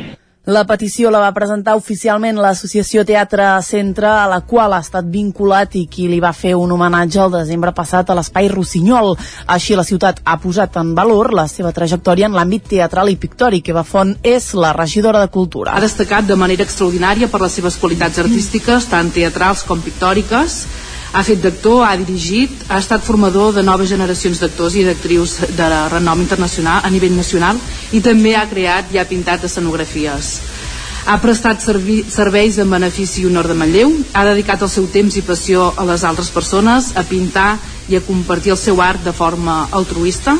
També voldria destacar que la seva feina desinteressada a la Fundació Hospital Sant Jaume, on a part de fer de voluntari ha pintat els malalts i residents, Anglada va tenir un paper clau en l'associació Teatre Centre perquè tirés endavant una petició que també va rebre el suport de veïns i veïnes a títol individual i de diverses entitats. Més endavant, l'Ajuntament preveu fer un acte protocolari per reconèixer la figura d'Antonio Anglada. I Marta Lloret, més coneguda a les xarxes socials com la Caçadora de Masies, ha presentat a Tardell el llibre que ha escrit amb aquest mateix sobrenom com a títol. Un dels 15 masos que formen part d'aquest volum és el Colomer de Taradell. Amb el llibre, Lloret vol obrir una reflexió sobre el llegat que suposen les masies i com preservar-lo de cara al futur. Una supervivència davant de la qual és pessimista per la poca implicació, diu, de les administracions. La Casa del Colomer, que forma part de l'Ecomuseu del Blat, compta amb una completa col·lecció d'eines del camp, guarniments d'animals i objectes de cistelleria. És el resultat de la tasca del col·leccionista Joan, de Joan Lleupart, més coneguda com a Joan del Colomer, que la seva filla ha continuat. Sentim a Marta Lloret. Amb el Colomer i he volgut que sortís per la història que explica, per sobretot la figura d'en Joan i la Montse que ha seguit amb el seu llegat, i també per la relació que tinc amb el poble de Taradell, que hi vaig treballar fa anys i el considero com, com el meu poble de fet eh, les parets ens parlen i sona una cosa dita molt així però a través de, del que s'ha conservat podem saber molt bé com es vivia antigament en aquests llocs Precisament la presentació de la caçadora de Masies a Taradell forma part del cicle impulsat per la Biblioteca i els Tonis per recordar el centenari del naixement de Joan Lleupart, que va morir l'any 1999. L'acte central serà el 28 d'abril. Gràcies, Clàudia. I un últim apunt esportiu per parlar de la classificació del Club Ballesà de Rítmica Cardedeu al Campionat d'Espanya en categoria individual Pol Grau Ràdio Televisió Cardedeu. El passat mes de febrer, el Club Ballesà de Rítmica de Cardedeu va celebrar la competició individuals on van participar 218 gimnastes de diferents categories. En aquestes es van classificar les primeres 8 participants de cada categoria. Aquest cap de setmana s'ha celebrat el trofeu de conjunts del pavelló municipal, on diversos clubs han intentat classificar-se a la pròxima competició del 28 de maig. Ens ho explica Sandra Martín, presidenta ballesà del Rítmica de Cardedeu. Estem obtenint resultats bons, eh, vull dir, gràcies a les entrenadores i la feina que fan les nenes i la Junta i juntament amb els pares de tot el club que ens estan ajudant a muntar tota aquesta bueno, com veieu, tot el que hi ha organitzat avui. Al club tenim l'escola, que és on comencen les nenes a nivell escolar, tenim la categoria escolar, nivell A, nivell B, tenim eh, Copa Catalana i tenim eh, Copa Base Nacional. A més, després del bon rendiment dels exercicis en el Campionat de Catalunya realitzat al pavelló olímpic de Reus, el Club Ballesa de Rítmica Cardedeu ha aconseguit classificar diverses gimnastes al Campionat d'Espanya individuals. Pues empezamos la temporada en septiembre montando bailes y luego se suele hacer el clasificatorio en febrero o a principios de marzo y al final eh, la semana de antes es muy dura porque no paras de pasar para tenerlo bien preparado porque no puedes fallar en el clasificatorio, pero tienes 90 segundos y si fallas te quedas fuera. Bueno, estaban bastant nervioses, com cada any, però al final és eh, una emoció nova. Pues em fa molta il·lusió, això vol dir que hem fet un bon treball i pues, estic molt emocionada. El Campionat d'Espanya es celebrarà a Pamplona del 19 al 23 d'abril.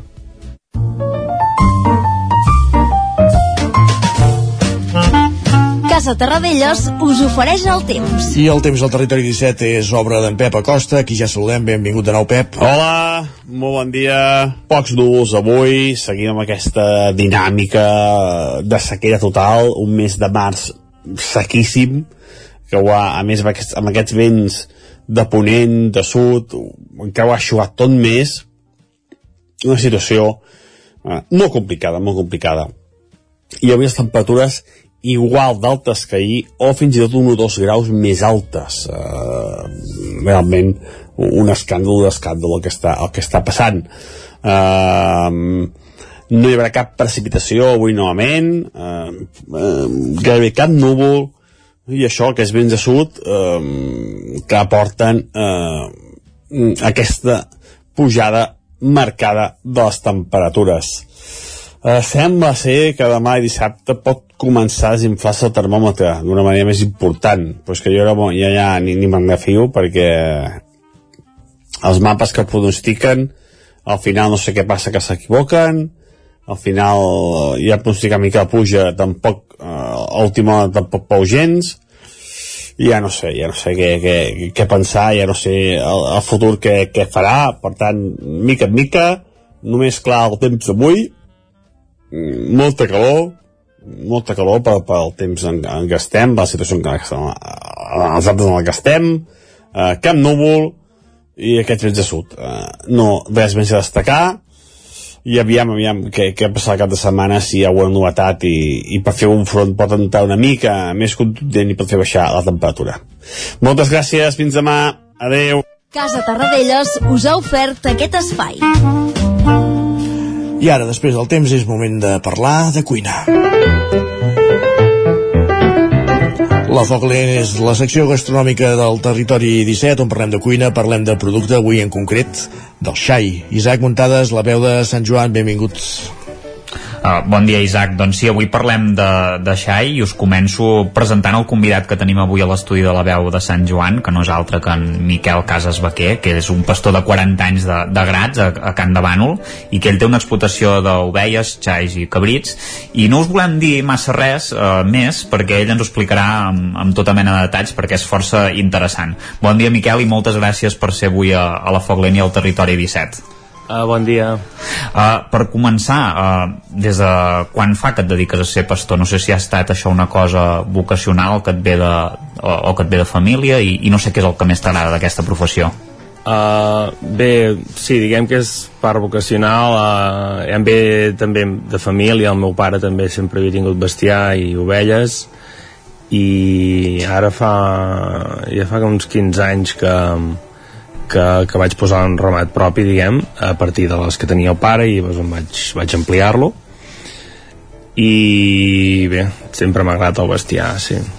Abans et dedicaves a alguna altra cosa o estaves uh, en un altre ah. àmbit, diguéssim? Uh, una mica uh, jo vaig estudiar geologia i, i vaig començar treballant d'això i però després en un moment doncs, vaig decidir uh, bé, fer de pastor i vendre carn de xai tot i que encara faig alguna cosa de geòleg també El teu ramat és de raça ripollesa. Explica'ns una mica les característiques de la raça i també de, del ramat. Quants caps tens? Quines són les característiques, com dèiem, de, de, de la raça? Perquè, de fet, eh, no, no és una raça nova, té molta tradició. Hi ha fins i tot una associació nacional que, de fet, aquest cap de setmana té molt protagonisme al mercat del ram de Vic. Però vaja, anem a pams. Parlem del teu ramat i de la raça, primer de tot. Uh, doncs bé, sí, tinc la raça ripollesa, que és una raça doncs, de les més antigues, és una raça autòctona catalana, pròpia del Pirineu Oriental, i se'n troba no només el Ripollès, tot i que en té el nom perquè és d'on és originària, també n'hi ha a totes les comarques eh, eh, que tenen contacte, diguem, amb el Pirineu Oriental, Uh, perquè um, antigament encara es fa però antigament molt més cara doncs uh, es feia transhumància es pujava uh, de les parts baixes de Catalunya cap al Pirineu a passar els estius i llavors doncs, a mida que la modernització diguem doncs uh, es va deixar de fer la transhumància i molts dels, dels pastors que pujaven a muntanya es van quedar a la terra baixa, no? els Empordans, eh, el Vallès, el Penedès, i per això hi ha ovelles ripolleses en molts altres territoris actualment. Aquesta ovella és una ovella um, pels qui aneu, que, si heu vist ovelles per aquí a l'entorn de, de Ripollès, Osona, Berguedà, Empordà, el Vallès fins i tot, eh, és bastant fàcil veure ramats d'aquestes races si trobes algun ramat i són pigallades de la, de la cara i de les extremitats, això és el més visible, eh, moltes porten banyes, tant mascles com femelles, i, i és una ovella que la característica més destacada, almenys jo, el que sempre mm, m'agrada més destacar és la rusticitat. És molt rústica i per això ha aguantat tant en el temps i els pastors encara hi confien perquè és una, una ovella que li costa malaltir i aguanta molt bé els canvis de temperatura, les condicions d'alta muntanya, les calorades de l'estiu, etc. Uh -huh. uh, uh, comentant també, eh, no sé quants caps de bestiar tens, eh, tu, Miquel? Sí, jo tinc ovelles, també tinc unes quantes cabres i mm. entre tot, eh, diguem els caps de reproductors, uns, cent, uns 170 ara mateix. Una pregunta, mm -hmm. Miquel, no sé si et sents una mica, abans comentàvem el teu perfil, que ets un pastor jove, que tens 40 anys, no sé si et sents una rara avis dins del sector, és que aquesta setmana em passaven dades precisament de, de caps d'ovelles en, eh, productives, mm. diguéssim, que han parit. L'any 2000 a Catalunya eren més de 700.000, 727.000. L'any 2021 eren 200 63.000, és a dir, de 727.000 a 263.000, pràcticament un terç són els que hi ha ara de les que hi havia fa, fa 20 anys. Què ha passat? Bé, uh, sí, o sigui, la veritat és que el sector parlant malament està molt cardat el sector de, de les ovelles i dels pastors, bàsicament dels pastors uh, si no hi ha pastors no hi ha ovelles i fer de pastor uh, és, a part de que és molt sacrificat uh, no, no diguem-ne no des d'un punt de vista econòmic no surt a compte uh, facis com ho facis i les ajudes que hi han que tots els que tenim bestiar uh, de, tenim ajudes de, de la PAC, no, dels fons europeus, doncs en el cas de, de, per la feina de fer de pastor i tenir ovelles no són suficients per, per cobrir, diguem-ne, les hores que hi dediques. I llavors per això no hi ha relleu i la gent doncs no pot uh, suportar i al final van plegant, no? I, i aquesta dinàmica doncs es porta produint des de fa això, els últims 10-15 anys una forma més acusada i la ramaderia està canviant i el que queda doncs és eh, els models que són més suportables econòmicament, que són que requereixen menys mà, mà d'obra i així és el cas de l'ovella doncs com que requereix molta mà d'obra diguem-ne, només que quantitat requereix moltes hores, diguem-ne, no? I, uh -huh. i, I això és el que està fent que desapareixin els ramats d'ovelles. Uh -huh. Ara comentaves aquesta situació que és, que és complicada. Ara, per això és el moment que en teoria és quan potser teniu més, més feina, no, vosaltres? Perquè és el moment en què el xai, doncs, eh, comença a sortir, no? L'època del xai, no? L'inici de la primavera. Sí, ara hi ha, hi ha molt de xai, en neixen molts a l'hivern, llavors ara és quan són grossos, um, i, i hi ha no, la majoria de, de pastors, perquè aquí eh, a la comarca tenim una, una associació, diguem-ne, de, de pastors que està formant part d'una altra associació més gran, que en diem Associació Producte del Ripollès, que, doncs bé, de, de, de tots els pastors que som inclosos, que en som membres, doncs eh, la majoria ara tenim força xai per, per, per vendre i, i bé, eh, sí, sí. Uh -huh. Uh, també et volia preguntar si segueixes una mica els mètodes tradicionals de, de maneig de bestiar i també de, de l'aprofitament de les pastures que, que ja s'havien fet anteriorment en les generacions anteriors. No sé què, què significa això, perquè abans ho comentàvem fora de micro, eh? tu les ovelles les vas movent en un territori bastant ampli. Sí, uh, mira, ara mateix, per exemple, estan a Sant Pere Torelló, al nord d'Osona, um, perquè allà, eh, tinc una finca allà que, que puc uh, aprofitar i em va molt bé i passo els mesos, diguem-ne, més d'hivern allà Uh, llavors de cara a l'estiu uh, les porto, faig una mica com es feia abans, la transhumància i les porto a alta muntanya, a Serra Cavallera, a Ugassa uh, juntem amb, amb uns quatre ramats més, petits o mitjans, i fem una ramada que se'n diu eh, com una agrupació per passar l'estiu, i després a la tardor les porto a Gombrèn, a l'entorn de, del santuari de Montgrony, i allà doncs passo la tardor. I així d'aquesta forma doncs... Eh, bé, una mica és perquè és el que em convé a mi, eh? vaig aprofitant les herbes que, que em puc disposar, bàsicament. Mm -hmm. Molt bé. Uh, evidentment, tot aquest ramat d'ovelles el que té un, una finalitat productiva que és fer xai, uh, vendre carn de, de xai. Uh, on, on, es distribu on la distribueixes, la, la carn que, dels teus ramats, del teu ramat? Mm. Sí, jo principalment el producte que faig és això, és el, la carn de xai i de cabrit, llavors eh, la majoria van restaurants en el meu cas. Um, llavors a partir de restaurants pues, alguns també van en particulars i això però la majoria en el meu cas concret eh, es veuen en, en restaurants, alguns carnissers i de, del Ripollès. Eh, la majoria, algun també doncs, va cap al nord d'Osona, però la majoria al Ripollès. A banda de la carn, Miquel l'ovella també produeix llana. Uh, em sembla que teniu algun projecte eh, en aquest sentit interessant? Sí, tenim un projecte bastant novedós, diguem que ens ajuden des de l'associació Líder, que també està relacionada amb la, amb la marca Productor Ripollès, eh, tot això depèn del Ripollès Desenvolupament, i juntament amb les tècniques d'allà doncs, que ens donen suport, eh, vam engegar aquest projecte que pretenia revaloritzar la llana, perquè la llana, igual com passava, com, com abans parlàvem no, dels ramats de les ovelles que estan en declivi des de fa dues dècades o així doncs amb la llana com a, com a subproducte que, que surt de les ovelles doncs també li ha passat el mateix no s'ha anat devaluant i ara no val res no? i ha arribat al punt de que no, que, ha, que no hi ha mercat costa molt treure-la i clar, és un, una cosa que és, és un problema pels pastors perquè ocupa molt volum eh, i un, ocupa un espai que necessitem pels bales d'herba per exemple els respectius coberts de cadascú, els corrals i ens feia una nosa i era una problemàtica. Llavors vam anar pensant solucions i, i al final vam,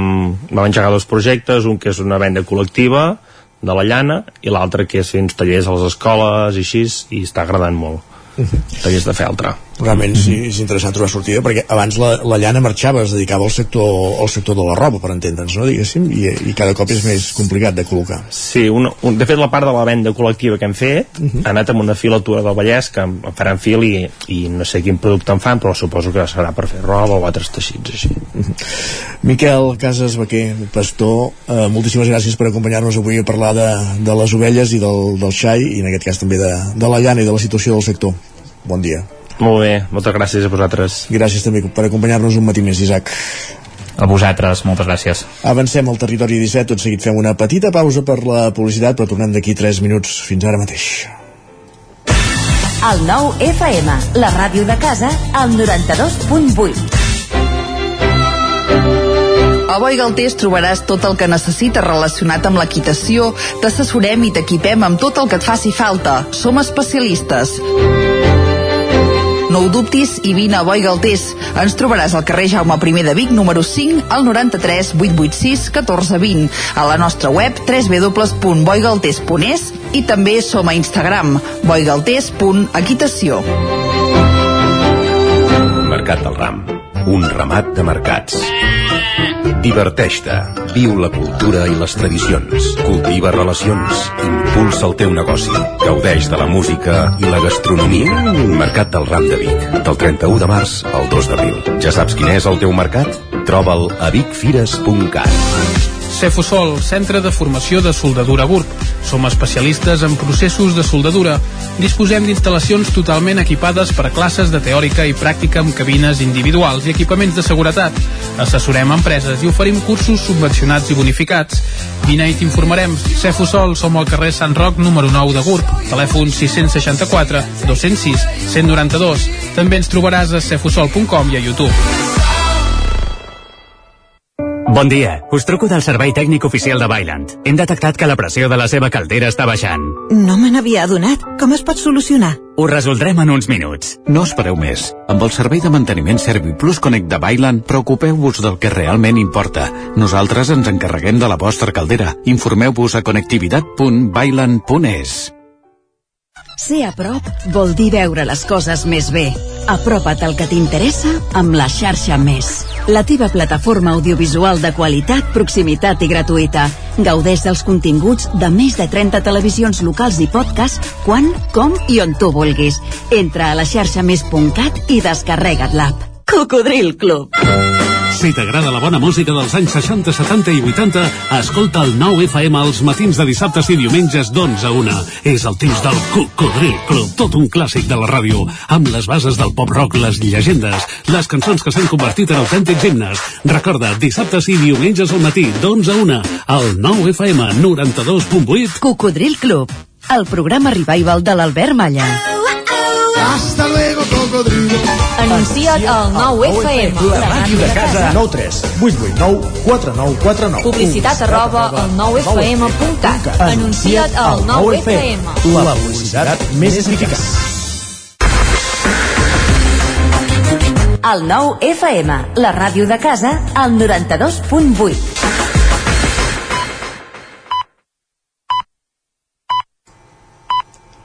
En punt dos quarts d'onze al territori 17.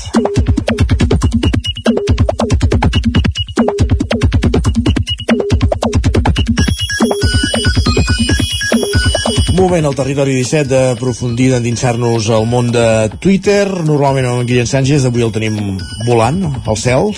Qui ens acompanya aquí en, en, en situació més terrenal és la Clàudia Dinarès. Benvingut, bon, de nou, bon dia. Bon dia, de dir que a primera hora he passat a, per la plaça per veure en Guillem Sánchez i assegurar-me de que pujava el globus, eh? Que l'enfilaves al globus, molt bé. Exacte. Uh, comencem el repàs de piulades i de fet ho fem amb el mercat del RAM perquè avui les xarxes s'han omplert de fotografies i vídeos amb aquests globus, aquesta imatge que anuncia que ha arribat al mercat del RAM a la ciutat. N'ha parlat de la Cristina Marrabon que diu Vic ja fa olor a mercat del RAM, l'orgull d'Osona. També Sergi Solà que diu avui és el dia que el cel de Vic es muda i avui més que mai pràcticament perquè hi havia, o si no és una sensació meva, molts globus, molts, molts, molts. No, no, i a més que com que aquest any mm, el cel és serè i es veu Mm. tot i és ma- magnífic, doncs avui fa, fa goig tot plegat. Sí, doncs sí. I també n'ha parlat la Rosa, que no sabem qui és, però que ha coincidit amb la redacció del 9-9 i el 9-TV de que els globus aquest any volaven molt baix. Explico per què. Perquè la premsa d'Osona normalment anava amb, glof, amb globus diferents, però aquest any s'ha decidit que vagin en un únic globus, Carai. amb una cistella de, de 20 persones, i fa només uns minuts ha passat per aquí sobre del 9-9 i els hem vist, i tothom ha coincidit amb que estaven volant molt, molt, molt baix. Doncs bé, la Rosa ha penjat un vídeo a les xarxes, no de globus de la premsa, sinó d'un altre, però deia, per les teulades, just, just. I efectivament s'hi Ai, ai, apreciava un globus volant molt baix. Que ningú prengui mal, doncs. Exacte. Jo diria que aquesta hora ja estan tots a punt de, De de, terrar. En fi, el mercat del RAM centra avui les xarxes, però com no podia ser d'altra manera, també ho fa Anna Obregón, ho hem vist a primera hora amb, el, amb, el, amb les portades. Uh, N'ha parlat Anna Pont del cas Obregón, que és així ja com se, se li ha anomenat. Diu, algú hauria de dir-li a una dona de 68 anys que no pot comprar-se una filla. Ja ni entro en el debat de si és o no és ètic el tema de ventres de lloguer, però 68 anys, pregunta.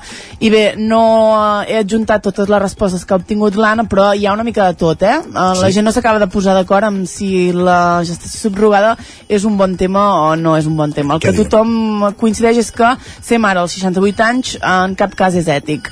Uh, també n'ha parlat Mireia Merino del cas Obregón, diu parlar de la gestació subrogada com si fos l'alternativa a l'adopció com a mode de justificar. És un altre dels arguments que anem veient uh, a les xarxes. I també n'ha parlat l'Andrea, que ha dit hola, tenir fills no és un dret. Adeu. Doncs sí, En fi, i la Neus sí, opinions per tot.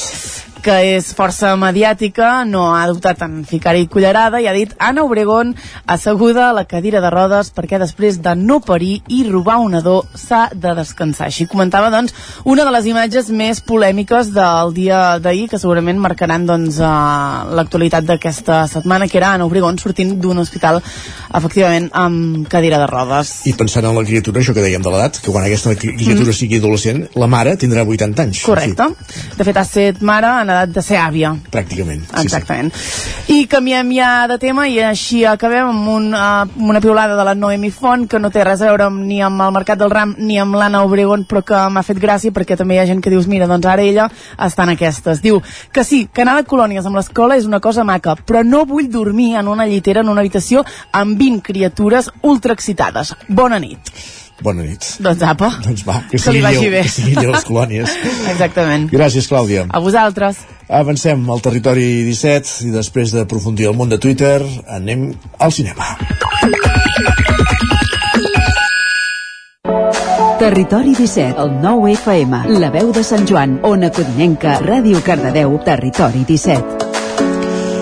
I ara mateix, quan passen 4 minuts de dos quarts d'onze del matí, com fem cada dijous, anem al cinema, anem a la veu de Sant Joan, allà ens esperen en Joan Garcia i en Gerard Fosses per repassar les estrenes de la setmana i les novetats de les cartelleres dels cinemes de casa nostra.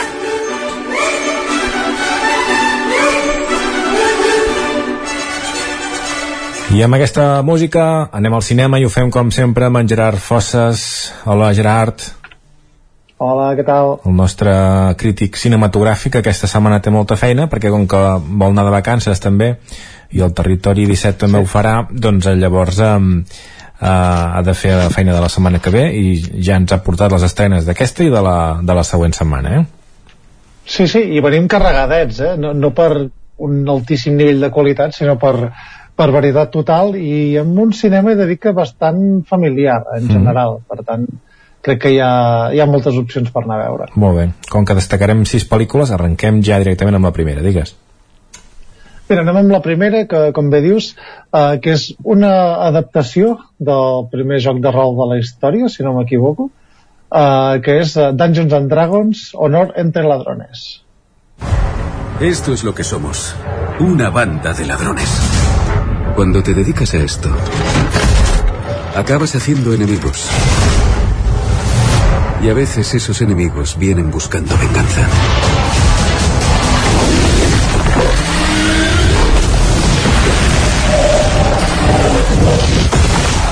Molt bé, un món de fantasia, no? Amb dracs, amb herois, amb... de tot.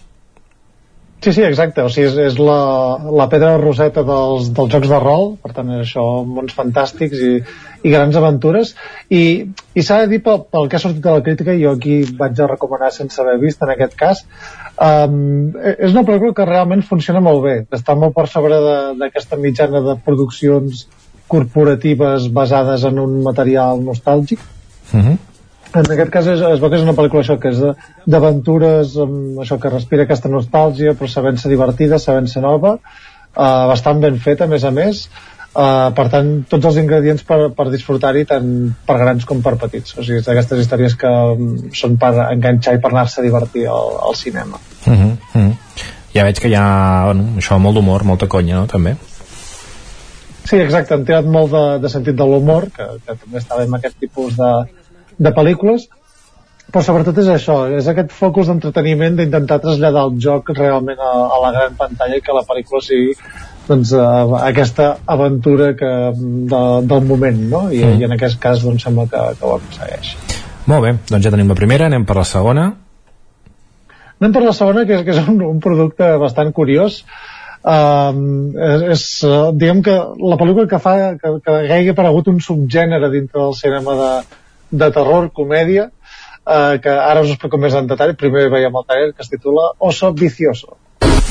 Fardos de cocaína valorados en millones de dólares han caído hoy del cielo en Knoxville, Tennessee. Hay más de estos por ahí. Los han tirado en alguna parte. Estoy buscando a mi hija. El bosque es un lugar peligroso. ¡Eh, Henry! Fíjate. La han encontrado. Igual un ciervo. Doncs no, no és un ciervo, és un os, eh? Sí, és, és un os que s'ha zampat eh, 9 quilos de cocaïna o alguna així i òbviament s'ha tornat boig eh, s'ha de dir que això és una pel·lícula basada en fets reals una cosa que va passar de veritat als anys 80 que uns això, narcotraficants van llançar cocaïna al bosc des d'un avió i un os se'l va menjar i em sembla que va matar unes quantes persones Mm -hmm. això amb el pas del temps s'ha convertit òbviament en una paròdia i, i la premissa tan boja de la pel·li que no és una pel·li massa bona realment i de fet és bastant irregular però sí que és com un, és com un what the fuck constant no? -hmm. i, I, i el que em fa gràcia d'això és que des de que es va anunciar la pel·li doncs, que ha creat com cert entusiasme per l'absurditat de tot plegat i això ha creat com un subgènere d'animals que han pres drogues perquè com, com bé saps a vegades hi ha uh, aquestes productores tipus Asylum no? que aprofiten com els grans èxits de la temporada per treure abans uh, pel·lícules amb títols similar o el que sigui uh -huh. ha, ha aparegut ja un Cocaine Shark que és un tauró també drogat amb cocaïna i un Meth Gator que és un, un, això, un cocodril un caimà doncs també posat de metamfetamina no? i no sé, ara no sé si serà una cosa que tindrà gaire recorregut com va passar amb Charnados i aquestes coses mm. però, però bé, aquí tenim l'aposta la, curiosa en aquest cas eh, dirigida per Elizabeth Banks i protagonitzada per Kerry Russell que és la protagonista de, de la sèrie The Americans una gran actriu que, que bé, està aquí a, a pagar les factures suposo i em dona la casualitat també que és la pel·lícula pòstuma de, de Ray Liotta mm. Molt bé, en fi sí, sí, sí, tot, trobat... tot de fets molt estranys conjuntats en una sola pel·lícula mm, a la pròxima vegada que fumi porros que serà millor per tothom eh? que es quedi apalancat l'os, pobret molt bé Exacte. Seguim, seguim a... Eh, què més tenim? La tercera d'aquesta setmana. Totes aquestes tres són d'aquesta setmana, les dues que hem parlat i la que ve ara, i, mm. i aquestes entenc que no m'has posat res, per tant que que es poden veure a tot arreu? Sí, tinc dubtes amb, amb aquesta següent perquè no, no, no ho he vist a la, a la cartellera de, de cinemes propers, per tant, mm. Dungeons and Dragons com Oso Vicioso segur i, mm. i una altra que parlarem també. Mm. Aquesta és la que tinc els dubtes. És una pel·lícula que ve de França, de, de la mà d'una autora ja bastant reputada com és Mia Hansen-Love, habitual a, a Cannes, i la pel·lícula es titula Una bonita mañana. ¿Y la llave? ¿Dónde está? La llave está en la cerradura. Siempre la dejas puesta. ¿Y dónde está la puerta? La puerta la tienes delante y la llave en la cerradura. Hola, papá. La jubilación de tu padre no alcanza y ninguno podemos ayudarle. ¿Y qué haremos con sus libros? Pues no lo sé. ¿Sandra Kisler? ¿Sí? ¿Es la hija de George Kisler? Sí, soy yo. Era un profesor genial. Aún releo. Molt bé, explica'ns. Un professor doncs, ja amb demència o amb una edat avançada, no? I la seva família se n'ha de fer una mica de càrrec. Sí, exacte. En aquest cas, protagonitzada per la Seydoux, és una pel·lícula això, on la protagonista és la filla que, que fa ja anys que viu amb el seu pare, que, que pateix una malaltia neurodegenerativa, i diguem que ella, com la seva lluita entre el temps que l'està cuidant i la seva idea d'aconseguir-li doncs, una, una residència doncs, el puguin cuidar bé. Um, eh, és d'aquelles pel·lícules de, molt humanes, molt emotives, que, que és això, que aborden aquesta història des, des del sentiment, no? des de l'emoció, però no des del sentimentalisme, o sigui, no, no és un pastel, i explica això, un tipus d'història molt humana que, que toca molt de prop a, a moltíssima gent, i, i que funciona la, la mar de bé. Per tant, aquesta ja dic, no sé si la fan amb un cine proper, perquè no ho he vist, no sé si ho canviaran o no, però un film molt recomanable que, que va passar pel, per Cans aquest últim any i, i que també va, va estar guardonada als Premis del Cinema Europeu recentment. Molt bé. He dit tres pel·lícules, però no són quatre aquesta setmana. Encara ens en queda una. Sí, ens en queda una que és uh, això, per tota la família. Va haver una preestrena al, al Cineclub de Vic, com en vam parlar, mm. i ara arriba també a les sales, en, en aquest cas la podem veure també al, al Sucre i a l'Ocine. És un film d'animació que ve d'Holanda que es titula Oink Oink. Ha llegado el momento de darte mi regalo. Explica'ns.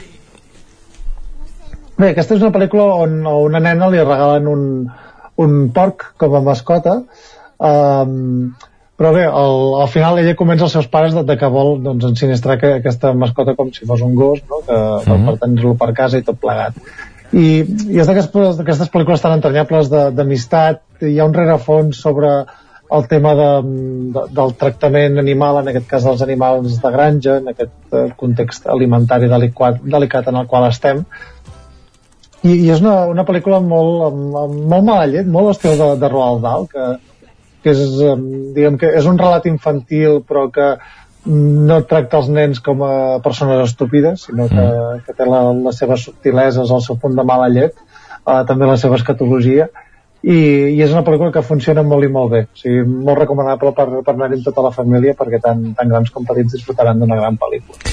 Molt bé, Uh, aquestes eren les pel·lícules d'aquesta setmana i anem a veure ja les de la setmana vinent que també hi ha alguna estrena bastant interessant Sí, anem per la primera, seguirem amb el cine familiar i, i generacional, quasi bé diria, perquè és una adaptació d'un videojoc molt popular que es titula Super Mario Bros. Vale.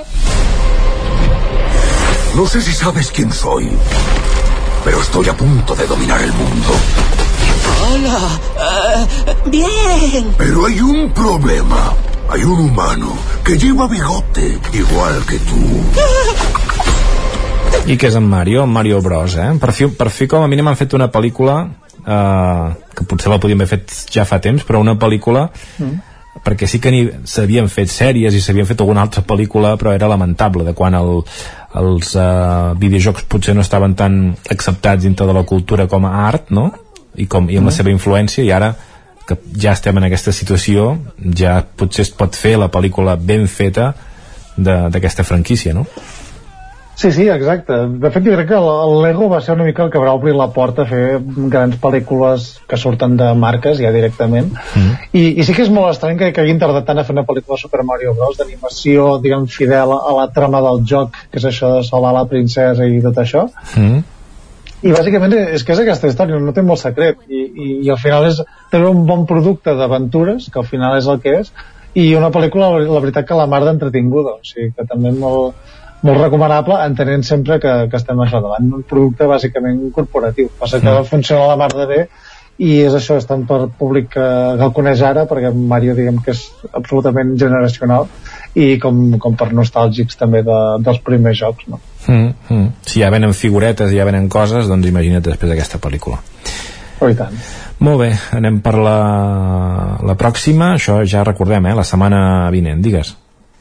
Sí, vinga, aquí més corporativisme Uh, aquesta és la mala notícia la bona notícia és, és que és d'aquelles pel·lícules que venen d'Estats de, Units no? que són com històries d'inspiració de pioners i tal uh, dirigida per Ben Affleck que dirigeix uh, molt bé sempre i protagonitzada per ell mateix i per Matt Damon amb una pel·lícula que es titula Air 1984 ha sido un año duro. Las ventas han bajado, el crecimiento también. Te contraté para potenciar la división de baloncesto. Y la gente no sabe qué coño es Nike. ¿Y qué es Converse? La zapatilla estrella de la NBA. Nike no tiene nada de guay. Tendrías que hacerle una propuesta muy convincente. Hay algo con lo que las demás marcas no pueden competir. Nuestra división de baloncesto da puta pena. No me entusiasma.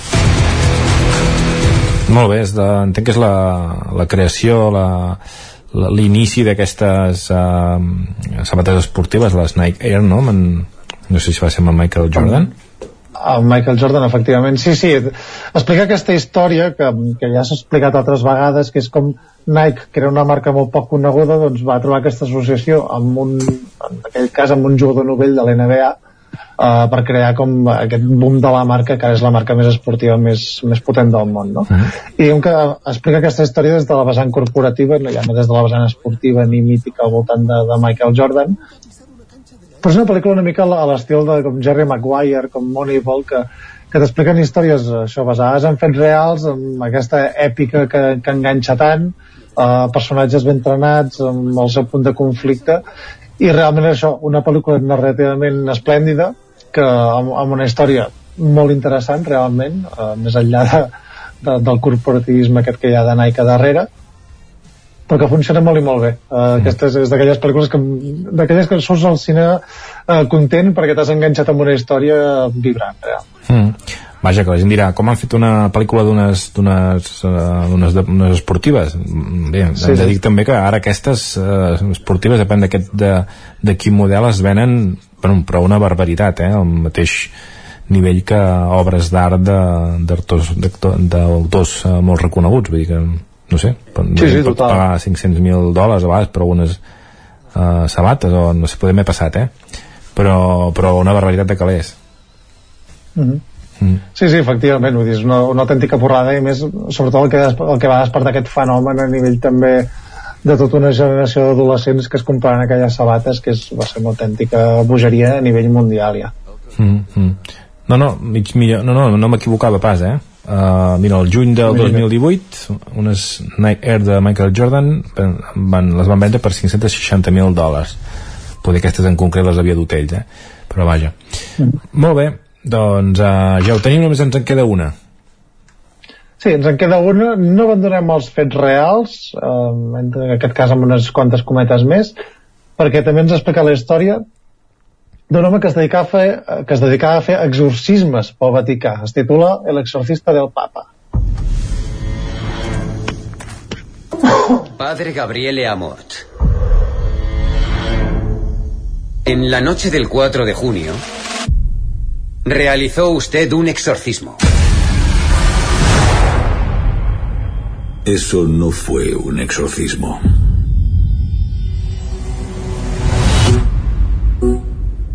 La mayoría de los casos no requieren un exorcismo. El 98% de los que se le asignan son por recomendación de médicos y psiquiatras. Ja veiem per on va la cosa. Sí, exacte, és un, això una pel·lícula que, que explica la història d'això d'un exorcista que treballava pel Vaticà, aquest eh, Gabriel Amort, interpretat per Russell Crowe, i la pel·lícula està basada en, en les seves memòries, que, que va escriure, em sembla, no sé si és un llibre de dos volums o dos llibres directament, on explicava les seves experiències en, al voltant d'aquesta pràctica dels exorcismes, i això ha servit per fer una pel·li de, de terror, òbviament vinculada al món de les possessions, els exorcismes, amb certa acció molt més espectacularitzada del, del que podria ser una història real, perquè al final hi ha molta mítica al voltant d'això, però, però bé, una, una pel·lícula de, de gènere doncs, ba- bastant interessant, narrada més des de la part del thriller, i, i enfocada molt doncs, amb, amb aquesta pseudo-veracitat no, que sempre hi ha al voltant del, del tema aquest dels exorcismes. Mm, doncs no, no sabíem per on anava, perquè quan t'ho he dit pensava que anava cap per un altre cantó. Si No, estava no, no, basada en fets reals pensava que, i com que han parlat de al principi no ho he vist, però es veia una noia suïcidant-se i doncs parlaven de, de psicòlegs i això, mira, just pensava que anava per aquí, de, de que de quan feien passar eh, això amb, eh, malalties per possessions o... però veig que no. Bueno, al, al final eh, està una mica dins del tema de la pel·lícula, però en aquest cas sí que busca més eh, la ficció, o sigui, Mm. diríem que agafen aquesta realitat com a punt de partida, però òbviament és un tema que, que sempre que està vinculat i el fet de que sigui una pel·lícula autobiogràfica eh, basada en documentacions reals, doncs diguem que deixa interpretacions obertes també, que no, no és al voltant d'un cas concret tampoc. Molt bé. Doncs ja les tenim totes, només ens queda repassar la cartellera de, de la resta de, de, de cinemes, en aquest cas per això només fem les d'aquesta setmana, perquè com que triguen una mica no? a posar les dels dies següents i en alguns casos Sí, ja potser... al- algunes sí que tenim la programació que, que la sabem, anat, simplement haurem de parlar d'aquest primer cap de setmana. Molt bé. A Ripoll, Tar. Sí, aquesta pel·lícula esplèndida, tot Phillips amb Kate Blanchett, uh, qui no l'hagi vist encara recomano molt que, que la vagi a veure. Casal Camprodoní, Rumba Teràpia. Sí, aquesta en vam parlar a la seva estrena, pel·lícula que, que ve de França, aquesta comèdia francesa amb no sé quants milions d'espectadors, i també recordem que ara fan versions eh, originals, en aquest cas fan, fan Avatar, eh, em sembla que fan un cop al mes, i, i és la sessió que, que hi haurà aquest divendres. Al Cinema Catalunya de Ribes, Babylon i Los Fabelman. Sí, exacte. Aquest uh, dissabte tenim, tenim Babylon i la setmana següent també tornen a repetir una sessió de, de Babylon i, i també de Los Fabelman, de, de Steven Spielberg. Per tant, eh, dos grans pel·lícules d'aquesta última temporada de- d'Oscars, tot i que Babylon la van deixar de banda. Uh, bueno, i al final Los Fabelmans també, tal com perquè no en va guanyar cap. Però bé, dos grans pel·lícules que, que passaran en aquest cas pel cinema a Catalunya. Molt bé. A l'Esbarjo Cardedeu, Asbestes i Saint Omer. Exacte, Asbestes que, que segueix corrent i, i Saint Omer també és una pel·lícula d'aquestes basades en fets reals en aquest cas de, del judici contra una, una dona negra El cinema Alhambra de la Garriga, King, Matria, The Quiet Girl, Almas en pena de, de Inisherin i Asbestes, esclar. home, Asbestes que, que no falti ens pensàvem que a Cardedeu els havien robat la, el rotllo de pel·lícula a la Garriga però no, n'han agafat un de diferent Mm. uh, i, i, bé, i destacar sobretot aquesta de Quiet Girl que ja porta un mes en, en cartellera Mm. i que és una pel·lícula molt plàcida que va passar també ara pel, pel Cineclub Àric de, de Ripoll i, i és d'aquestes pel·lícules que sorprenen d'aquesta temporada no? Mm, i Matri, pel·lícula també re, estrenada recentment que, que també és, és un molt bon film passat pel Festival de, de Sant Sebastià També t'he de comentar que Asbestes ja només es fa un dia i una hora, eh? Vull dir, una sessió. Bueno, eh, final- per tant que Sí. la cosa s'acosta, eh? ja, ja s'acosta al final, Sí. al final. I el Cineclub de Vic, Manticora. Sí, Mantícora, uh, pel·lícula de Carlos Bermud, d'aquestes que, que t'encongeixen el cor i l'estómac, uh, pel·lícula que, que s'ha d'anar a veure també sense saber res de l'argument, per tant no, no en diré res, i, i destacar que, que és després de Setmana Santa perquè el, això, caure entre mig de festius i això doncs uh, es dona descans a, a l'audiència en aquest cas. Molt bé, Gerard, doncs també et donem descans a tu. Ens tornem Molt a bé, escoltar a tu també. també d'aquí un parell de setmanes. Molt bé, Que vagi que molt vagi bé. molt bé, i bones vacances. Igualment, adeu. Territori 17 Vacances al territori 17 en farà dijous, eh? però la setmana que ve serà al peu del canó de dilluns a, a dimecres i, igualment. I ara aquí està al peu del canó són l'Isaac Muntades i en Pol Grau que ens volen recomanar algunes sèries. Benvinguts de nou tots dos. Hola, bon dia. Qui Bon comença, dia. va?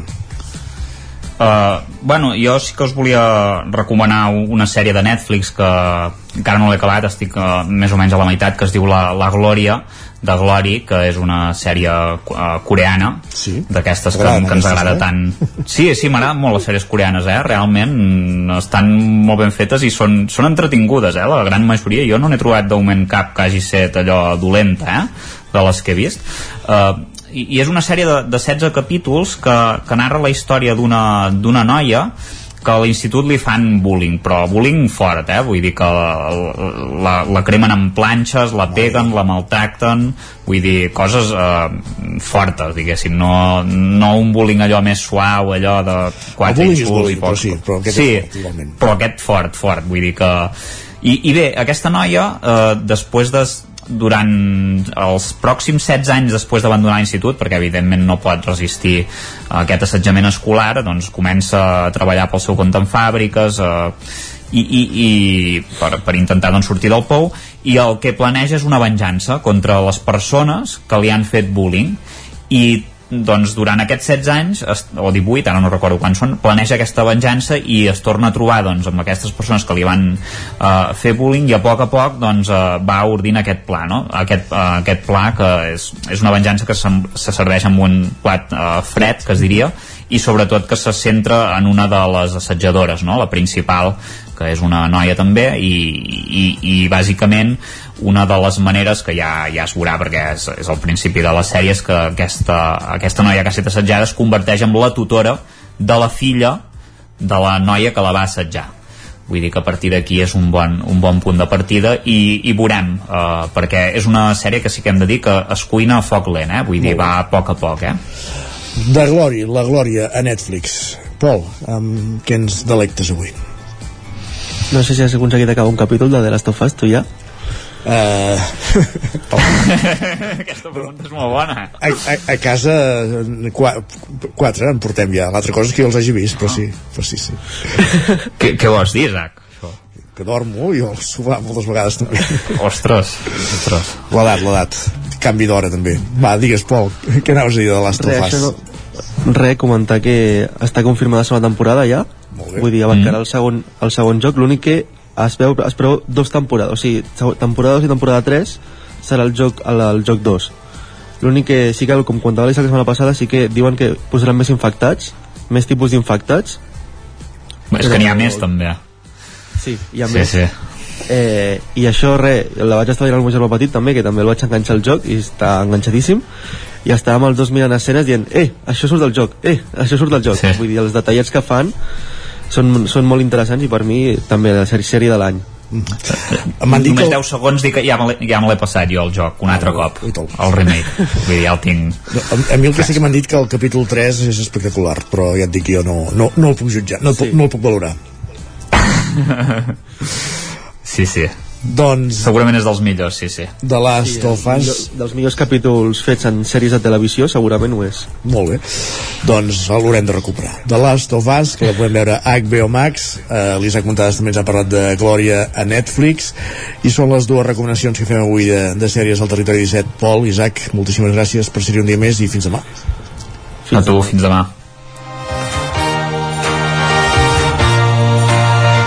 Amb la, amb la ficció, amb el cinema, amb les sèries, arribem al punt i final del Territori 17 d'aquest dijous 30 de març de 2023. Us hem acompanyat des de les 9 del matí Roger Rams, Maria López, Pep Acosta, Pol Grau, Isaac Muntades, Gerard Fosses, Joan Garcia, Claudi Dinarès, Sergi Vives i Isaac Moreno. L'equip del Territori 17 i tornarem demà a partir de les 9 del matí. Fins aleshores, bon dijous. Gràcies per ser-hi. Adéu-siau.